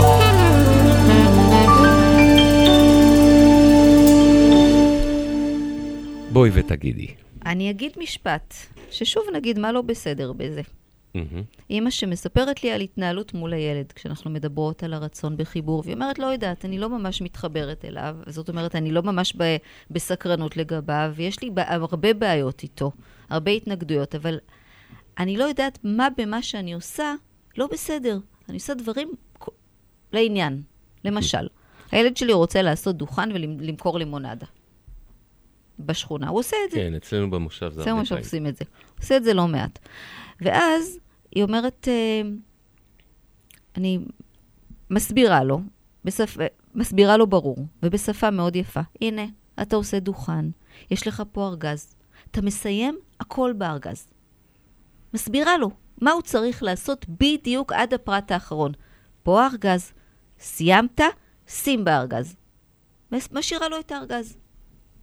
חוזרת אחרי כמה שעות, תפוזים על הרצפה, זה, זה, זה. אני מה, נתתי לו, אפשרתי לו, עשיתי בשבילו. ככה הוא, ככה הוא סטירת לחי. היא נעלבת בעצם. נעלבת, מתעצבנת מאוד. אמרתי לו, זאת פעם אחרונה שאתה עושה אה, לימונדה. אין יותר לעשות לימונדה. כי הנה, תסתכל. כל כך uh, מובן.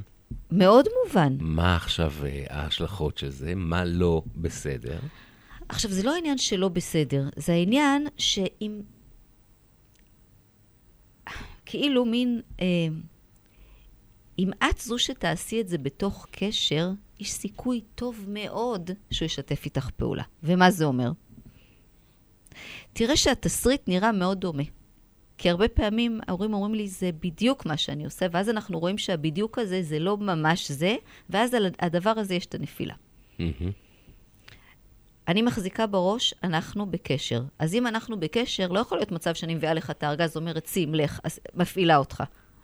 כאן אין קשר. מהמם. יש אתה ילד, אתה עושה את הזה, אני אימא, אני שמה לך. חיבור אני לא רואה פה. זה פקודות. יופי, אז איך עושים את החיבור? פשוט. מהמם. אתה יודע, אני שומעת שאתה רוצה לעשות ארגז, לעשות דוכן, סבבה, מס- הכל בסדר. לי חשוב, שוב, הקטע הזה שאנחנו מדברים על עצמנו. לי חשוב שהדברים יחזרו למקום, חשוב לי סדר, חשוב לי שיתוף הפעולה בינינו. חשוב לי. בינתיים אני אומרת את זה ביני לבין עצמי. אחר כך כשאני באה אליו, אני אומרת גם לו את הדברים. אבל בצורה, במשך הזמן אנחנו לומדים לעשות את זה בצורה מאוד זורמת. בהתחלה הורים עושים את זה וזה מאוד טכני ומעצבן, הם גם לא עושים את זה החוצה. אני מבקשת לא, לא, לא, לא לעשות העתק הדבק של המילים שלי, כי אחרת זה יוצא מאוד רובוטי כזה. להחזיק את הרעיון בראש שאני הולכת להיות איתך בקטע של חיבור. ואני מבקשת ממך בקשות ומדברת על הצרכים שלי. לומדים אחר כך ממש לשרשר את זה, לעשות את זה מאוד הרמוני. בהתחלה זה, זה באמת כמו ללמוד שפה חדשה, שזה יוצא קצת עילג כזה, אפילו ביני לביני. אבל ברגע שאני אמרתי את זה לעצמי והרגשתי אם זה נוח, זה בטוח יצא טוב לצד השני. אז אם אני באמת בערות לצרכים שלי, ואני אומרת, אני, זה מה שאני, זה מה שאני מבקשת, זה מה שאני צריכה. אה, ועכשיו יש לי הצעה. הצעה. ההצעה היא לשים את הארגז פה, ולהציע ולבקש גם, שבסוף פעילות. הפעילות, אז היא אומרת, זה בדיוק מה שעשיתי, את לא הצעת פה, ש- כשהיא יכולה להגיד לי האימא, שכשהיא שומעת אותי מציעה, היא אומרת, את רואה שזה ממש מה שאני אמרתי לו. כאן מגיע השלב הקריטי בעיניי, הוא שלב הבקשה, שבהתחלה הבקשה היא, שמעת אותי? אתה שמעת מה שאמרתי? כן, אמא, שמעתי. אז היא אומרת, כן, הוא יגיד לי, כן, אמא, שמעתי וימשיך. לא, לא, לא. אני מתעקשת, במקרה הזה, לפגוש את העיניים ששמעו. חשוב לי שתשב מולי ושתגיד לי ששמעת אותי, ותגיד לי מה שמעת שאמרתי. שוב, שיהיה אור של דיבור שעושה באמת חיבור. לא רק, זה לא כאילו שני מונולוגים, אני אמרתי את שלי, אחר כך אתה אמרת את שלך. אלא שהדגם וההשראה של ההורה, במקרה הזה, זה בדיוק זה שאני יצאתי מהשיח בינינו עם לב נח, שנשמעתי. וגם הילד רואה שאימא לא מוותרת על התחושה שהיא היא רוצה להרגיש נשמעתי עד הסוף. נכון, כי הרבה פעמים אתה שומע אימהות שאומרות, שמעת אותי? נו, שמעת אותי? הוא אומר, כן, כן, כן, אמא. כן, אמא, שמעתי. כאילו, תעזבי אותי בחייאת, תני לי שקט. כאן היא אומרת, חשוב לי לדעת ששמעת אותי. ומה ביקשתי? אוקיי, מוסכם עליך? כן, אמא, אין בעיה. יופי. עכשיו שוב, כמו בכל הסיפורים שלנו, תמיד השאלה של ההורים זה, אז היא, ומה אם זה לא קורה? קבוע. קבוע. כי הם שוב חיפשו איזושהי אסטרטגיה, איזושהי טקטיקה, איזה טיפ. טיפ. טיפ שפותר שיפתור את לי את הבעיה. הבעיה. בדיוק. הטיפ הזה, את הבעיה הזו, הוא גם פותר דרך אגב, אבל אנחנו לא שם. זה לא משנה. זה תמיד משנה מה אני עשיתי או לא עשיתי כדי שהבעיה תיפתר. איפה אני עברתי שינוי בתוכי כדי שהבעיה תיפתר. אז הבעיה היא לא העניין. העניין הוא איך אני אוכל להיות באורך רוח כשזה לא ייפתר, ובהתעקשות על הקשר בעוד דיבור, בעוד בדיקה. ככה נוצר חיבור. כי הדגם שחשוב לי לשאוף אליו... ההשראה שאני. ההשראה שאני זה באמת השראה של אורך רוח, של הלך נפש מתחשב, והלך נפש מאוד תקיף, בתוקף תפקידי כהורה.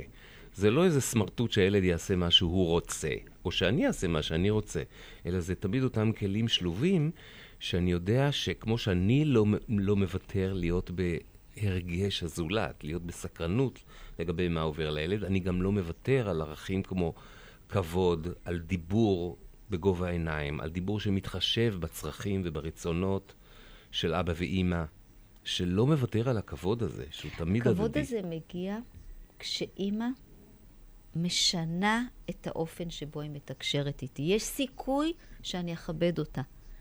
אין סיכוי שאני אכבד אימא ששמה את הארגז ואומרת, לא מוכנה יותר, אין מצב. אין לי סיבה לכבד אותה, כי אני לא מרגיש מכובד. עכשיו, האימא הזו יוצרת את הכבוד דרך זה שהיא מתקשרת איתי באופן כזה, ואז כבר יכול להיות לי אפילו לא נעים. אם אימא בודקת ושואלת ומבקשת ורוצה לדעת ותוהה כשזה לא עובד כמו שתכננו ביחד, שם מתחיל הסיכוי האמיתי לחיבור. ברגע שאימא מסוגלת בכלל לדבר על עצמה, את על עצמי לספר לדעתי, להגיד, אני לא שקטה. אני עדיין לא שקטה. כשאני רואה מה קורה, או כשאתה עונה לי באופן שבו אתה עונה. ו- ולהרגיל את הילד שהיא לא מוותרת על זה, שהלב שלה ינוח, שהיא יודעת שהיא נשמעה עד הסוף. שהילד גם מבין את הערך של לסגור מחזורי פעולה, של לעשות דברים אחראיים, של לתכנן מראש כמה צעדים ולא להיות באיזה קפריזות וגחמות, שעכשיו בא לי ואחר כך אני אזרוק, ואחר כך אה, יש לו ערך ל- ל- לחפצים שניתנו, להשקעה.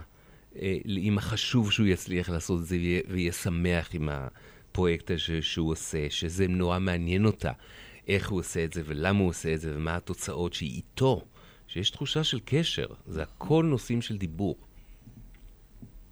פשוט קשה לראות את ההשלכות של זה עד שמתאמנים בזה ורואים פתאום, וואו, הנה זה עובד. הנה עוד פעם שבה נחתי, שלא הייתי בסטרס הזה. כי רוב האימהות מדווחות לי על, על מצבים של איבוד, אה, באמת איבוד קשב, איבוד עניין בילד. איבוד עניין בילד, רצון שהיום כבר ייגמר, שנהיה כבר אחרי ההשכבות, שנהיה כבר אחרי. תמיד פעם כתבתי על זה משהו, שנהיה כבר אחרי. שנהיה אחרי ההשכבות, שנהיה אחרי ארוחת בוקר, שנהיה אחרי ארוחת ערב, שנהיה כבר אחרי. שנגמור את החיים. כי הצורך של ההורה הוא הרבה פעמים באמת בשקט, נכון. במנוחה.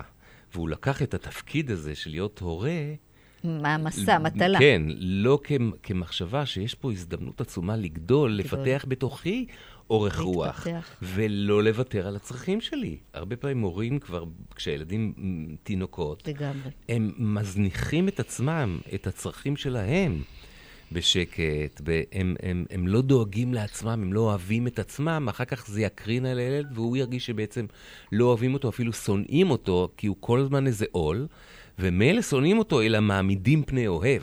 זהו, ובעידן שלנו יש את האימהות הנאורות שקוראות הרבה ויודעות הרבה, אז הן יכולות לבוא לילד עם מתוק שלי.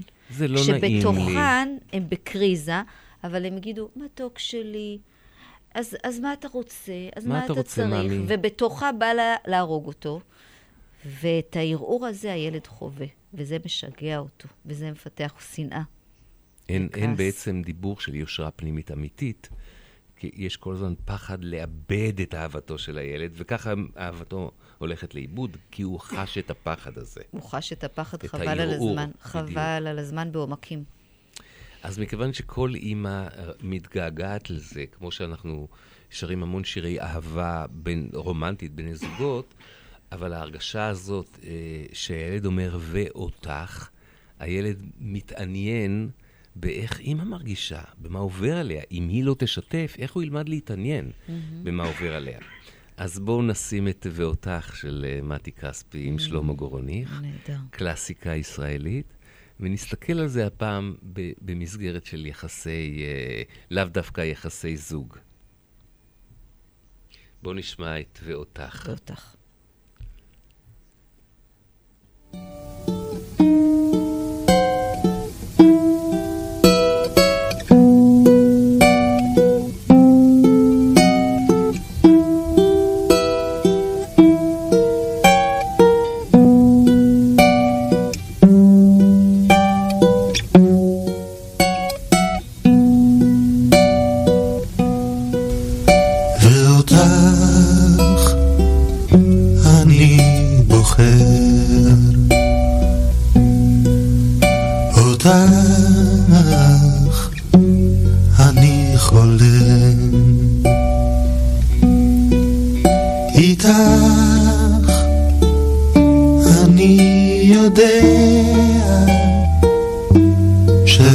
שרק איתך אני חופשי.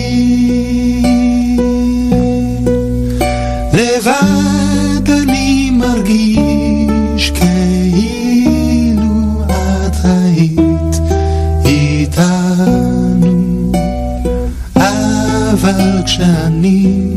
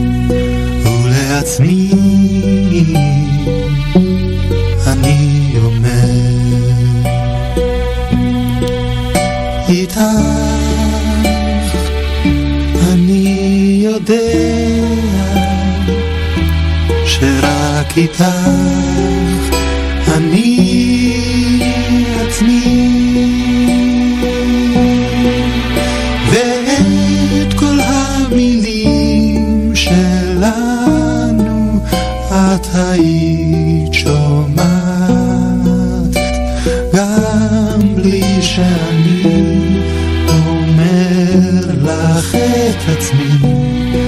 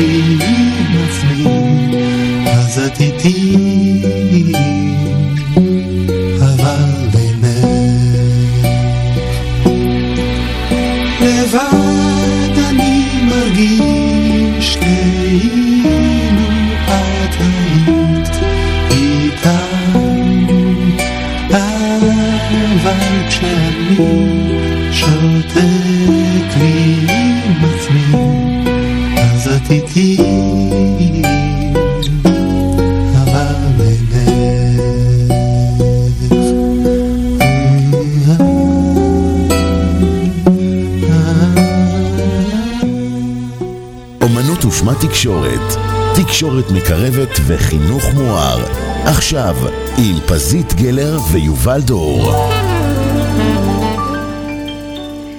אליי אה, מגיעים הרבה ילדים ש... ש...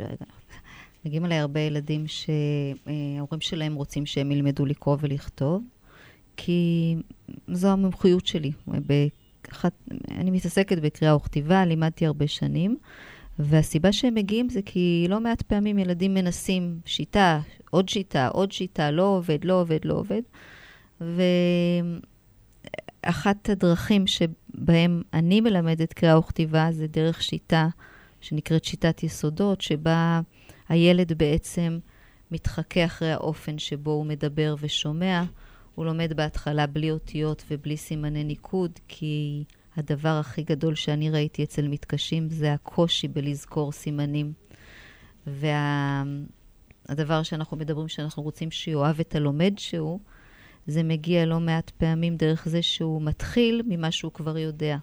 ומה שהוא יודע זה לדבר ולשמוע, אז עם זה אנחנו מתחילים ואנחנו מוותרים על המקום שמעמיד את הילד מול, אם לא תזכור, אז לא תדע. אם לא תזכור, אז תהיה פחות טוב מאחרים. והכוח שלך נמדד בזיכרון שלך. את כל זה אנחנו מזיזים הצידה. זאת הקדמה כזו שעשיתי, כי לא מעט פוסטים שאני כותבת הם על ילדים שמגיעים אליי אה, עם אה, רצון, שההורים שלהם רוצים שהם יקראו ויכתבו. אני לא מקבלת בדרך כלל ילדים כאלה, אני מקבלת ילדים שיודעים שלהם יש מטרה של אה, רצון ללמוד משהו. יש גם פעמים שילדים באים והם לא יודעים למה הם באים. ו... כן, שוב אנחנו חוזרים לאותה עששית של... אה, שהילד נע, מנוע, המנוע, מנוע המניעים שלו, זה באמת ממוקד שליטה פנימי, שברורה לו המטרה. הוא לא מרגיש שזו מטרה של מישהו אחר והוא צריך לרצות אותה, אלא זו מטרה שלו, זו תכלית שלו. ואנחנו אה, רוצים לבדוק, אה, אפרופו העששית שאומרת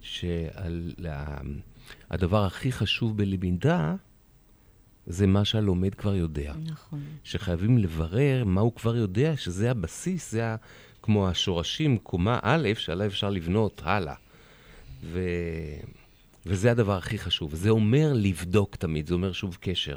לבדוק מה הוא באמת, מה כבר יציב אצלו, מה הוא באמת כבר יודע. ובקשר הזה צריכה להיות אמונה, לא רק אמון, גם אמונה. כי אם הראש שלי אומר, אין סיכוי שאם אני אשאל אותו אם הוא רוצה ללמוד ולקרוא ולכתוב, הוא יגיד כן. אין סיכוי. אז אני מראש משדרת את הקשר בכיוון הזה של אין סיכוי שהוא. וככה זה נראה. כי אם אין סיכוי שהוא, אז אני חייבת להפעיל אותו. כי אני היחידה שיעשה את הסיכוי שהוא. כן, זה שוב שיפוט ו... שקובע את המהלך האנרגטי שלי, כי אני אחוז כבר בדעה הקדומה הזאת, אין סיכוי. אין סיכוי שהוא, ואז הוא באמת הופך להיות חפץ, שאני, הגדולה, יודעת להפעיל אותו. אבל אין, אם אני אומרת, אין סיכוי שאני אצליח לתקשר איתו בצורה שת... שתבין אותו, שתקשיב לו, שתצא ממנו, שתגלה את הכן מאחורי קולו שלו.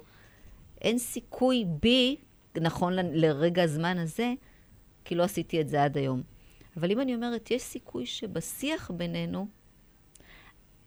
אני אצליח יחד איתו לגלות מה עושה לו טוב. מה מס... כי אין אדם ואין ילד שאין בו סקרנות ואין בו עניין. אין, לא קיים.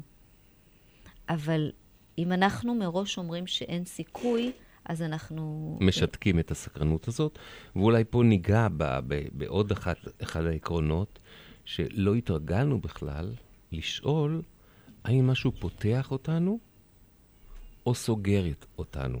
כי זה דורש אה, איזשהו מיינדפולנס, איזושהי תחושה של חיבור שלנו לגוף ולרגשות שלנו, כי סקרנות זה תמיד לפתוח.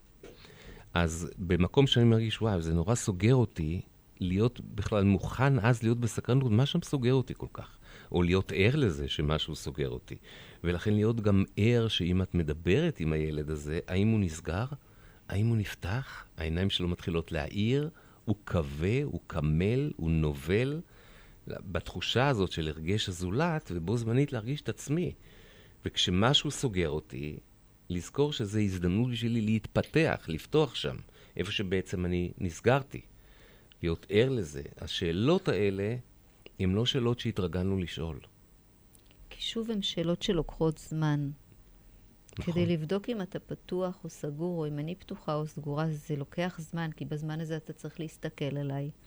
אתה צריך להרגיש מה עובר, אתה צריך להקשיב לשתיקות שלי. לראות באיזה מקום אני, להיות באיזושהי ערות או הרגש הזולת, שזה משהו שהזמן, שהוא המצרך הכי נדיר והכי מבוקש והכי אה, לא בנמצא. אז אני אקרא את הפוסט הזה.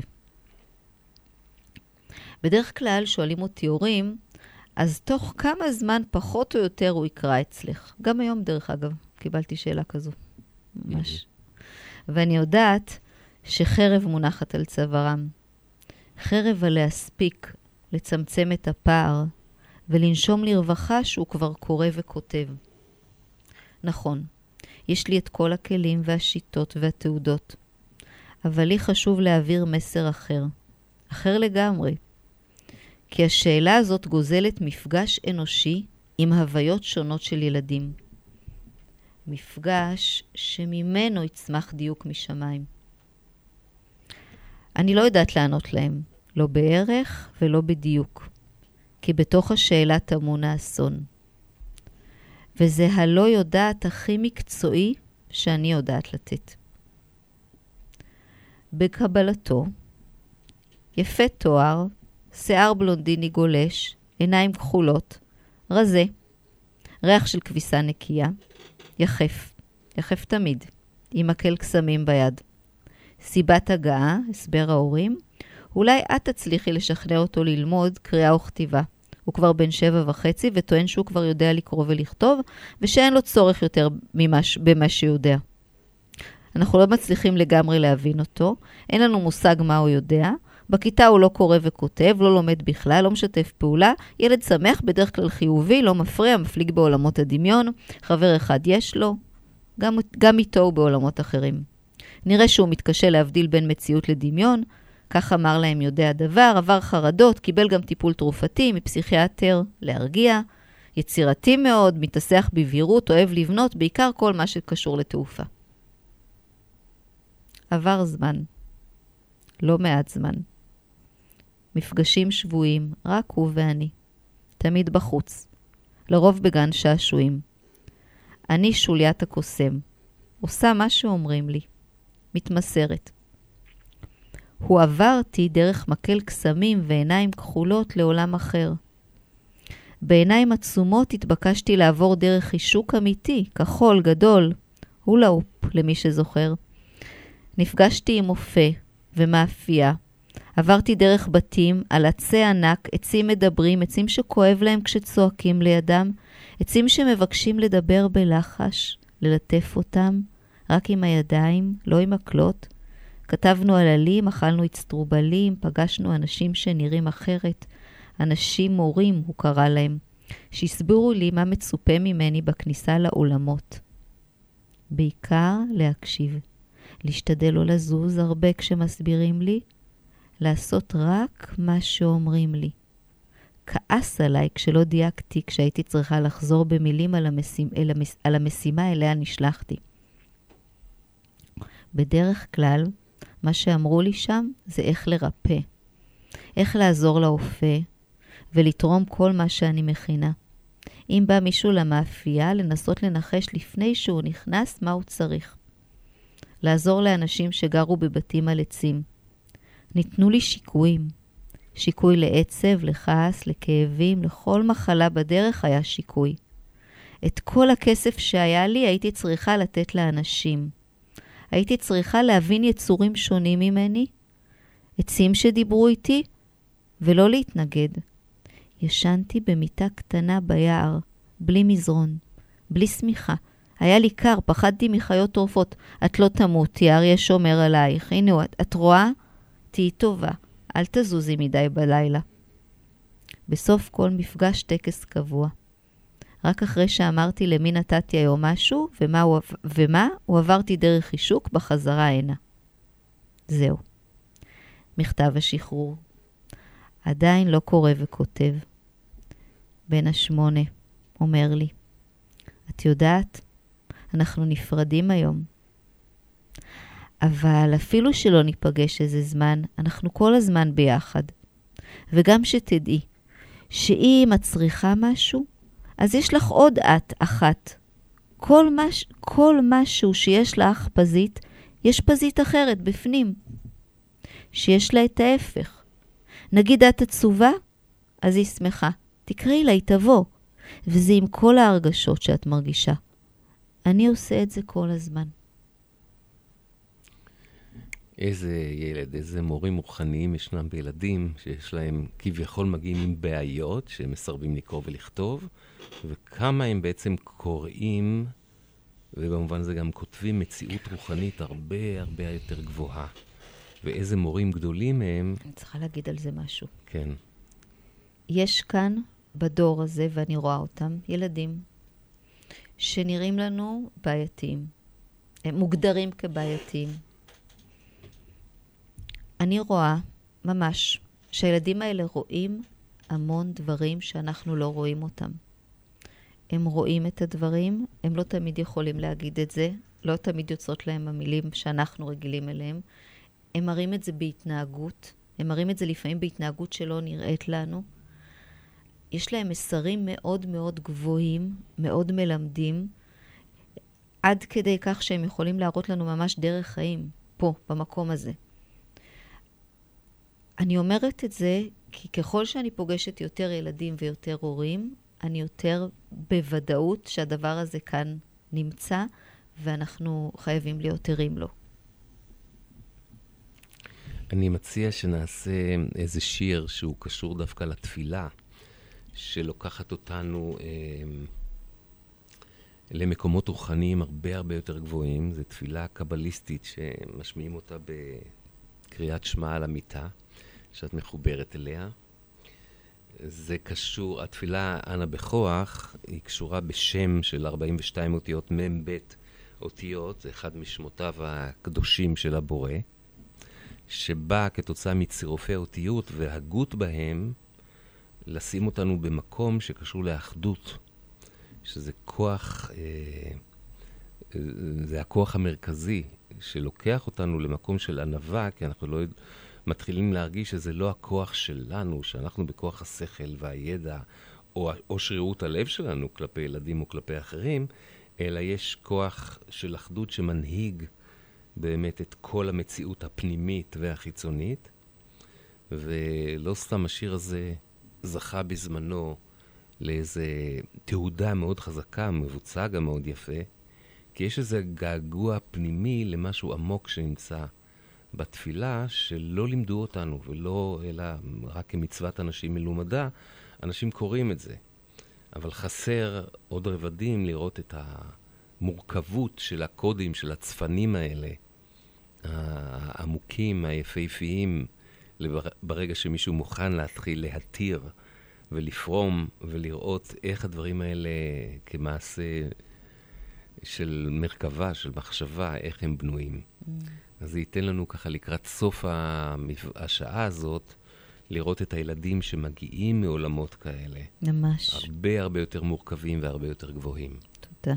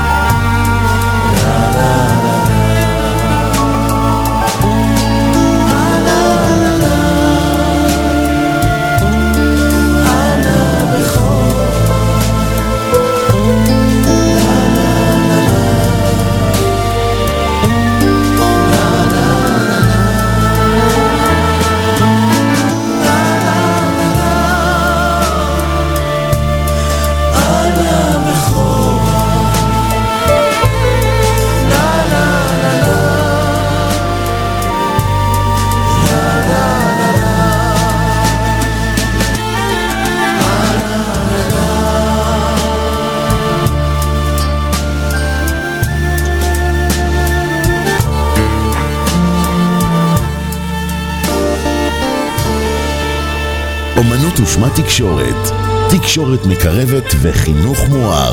עכשיו, עם פזית גלר ויובל דור. אנחנו לקראת uh, סיום השעה השנייה.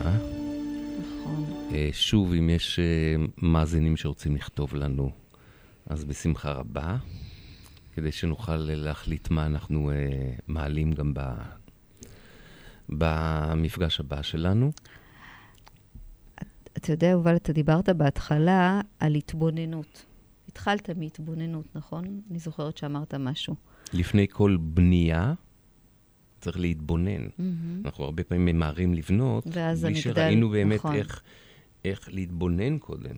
אז אני רוצה לתת משהו כמתנה להתבוננות, מתנת התבוננות, שכל מהמם. אחד יבדוק בתוכו כמה פעמים הדבר הזה מופר ביום-יום. את לא יכולה להתחבר למישהו אם המטרה שלך היא לפתור לו את הבעיה. סקרנות, שהיא מהות החיבור, נמנעת כשזה קורה. עוד פעם, תחזרי על המשפט אוקיי. הזה. את אימא או אתה אבא. אנחנו לא יכולים לפתור, להתחבר למישהו, אני לא יכולה להתחבר אליך אם אני מנסה לפתור את הבעיות שלך, את הבעיה שלך. יש לך בעיה, אתה בזבזן, אני רוצה לפתור לך את הבעיה. אם אני רוצה לפתור לך את הבעיה, אני לא יכולה להתחבר אליך, כי אני יכול, לא יכולה להיות סקרנית לגבי המהות שלך. ושם החיבור אה, נמנע. אז פשוט ללכת עם זה, להתבונן פנימה בדבר הזה, זה יכול לתת אה, דברים... לראות את החד-צדדיות, שזה לא, שזה לא זרם, זה לא חשמל של זרם חילופין. נכון. אני, יש לי את האג'נדה שלי, אני רוצה לעשות שינוי, אבל אני לא באמת מקשיב האם, איך אתה קראת את המכתב שלי. נכון. אז על זה עוד נמשיך לדבר גם במפגש הבא, ואנחנו מודים על ההאזנה. תודה אנחנו רבה. מסיימים את, ה... את השידור הזה. עוד מחכה לאחד חלום ישן עוד מלווה לא נבגד מחכה לאחד כשיופיע אזהה אותו מיד. עוד מחכה לאחד אשר ישכיח בעיניו. את העולם וכאביו לאחד שחותם שפתיו יטביע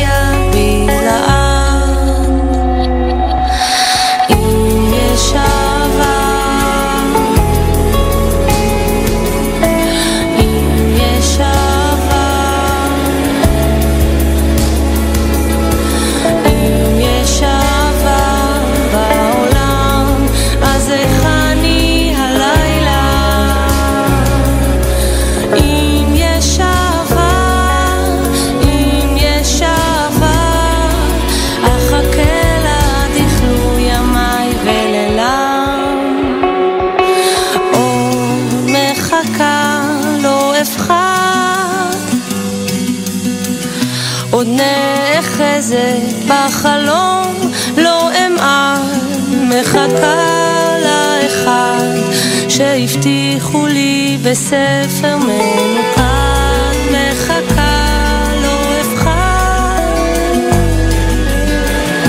גם אם הזמן שיניו נועץ, עוד יש בי רוח עד אין קץ לאחד שציפור נפשי בכף ידו תרעד. אם יש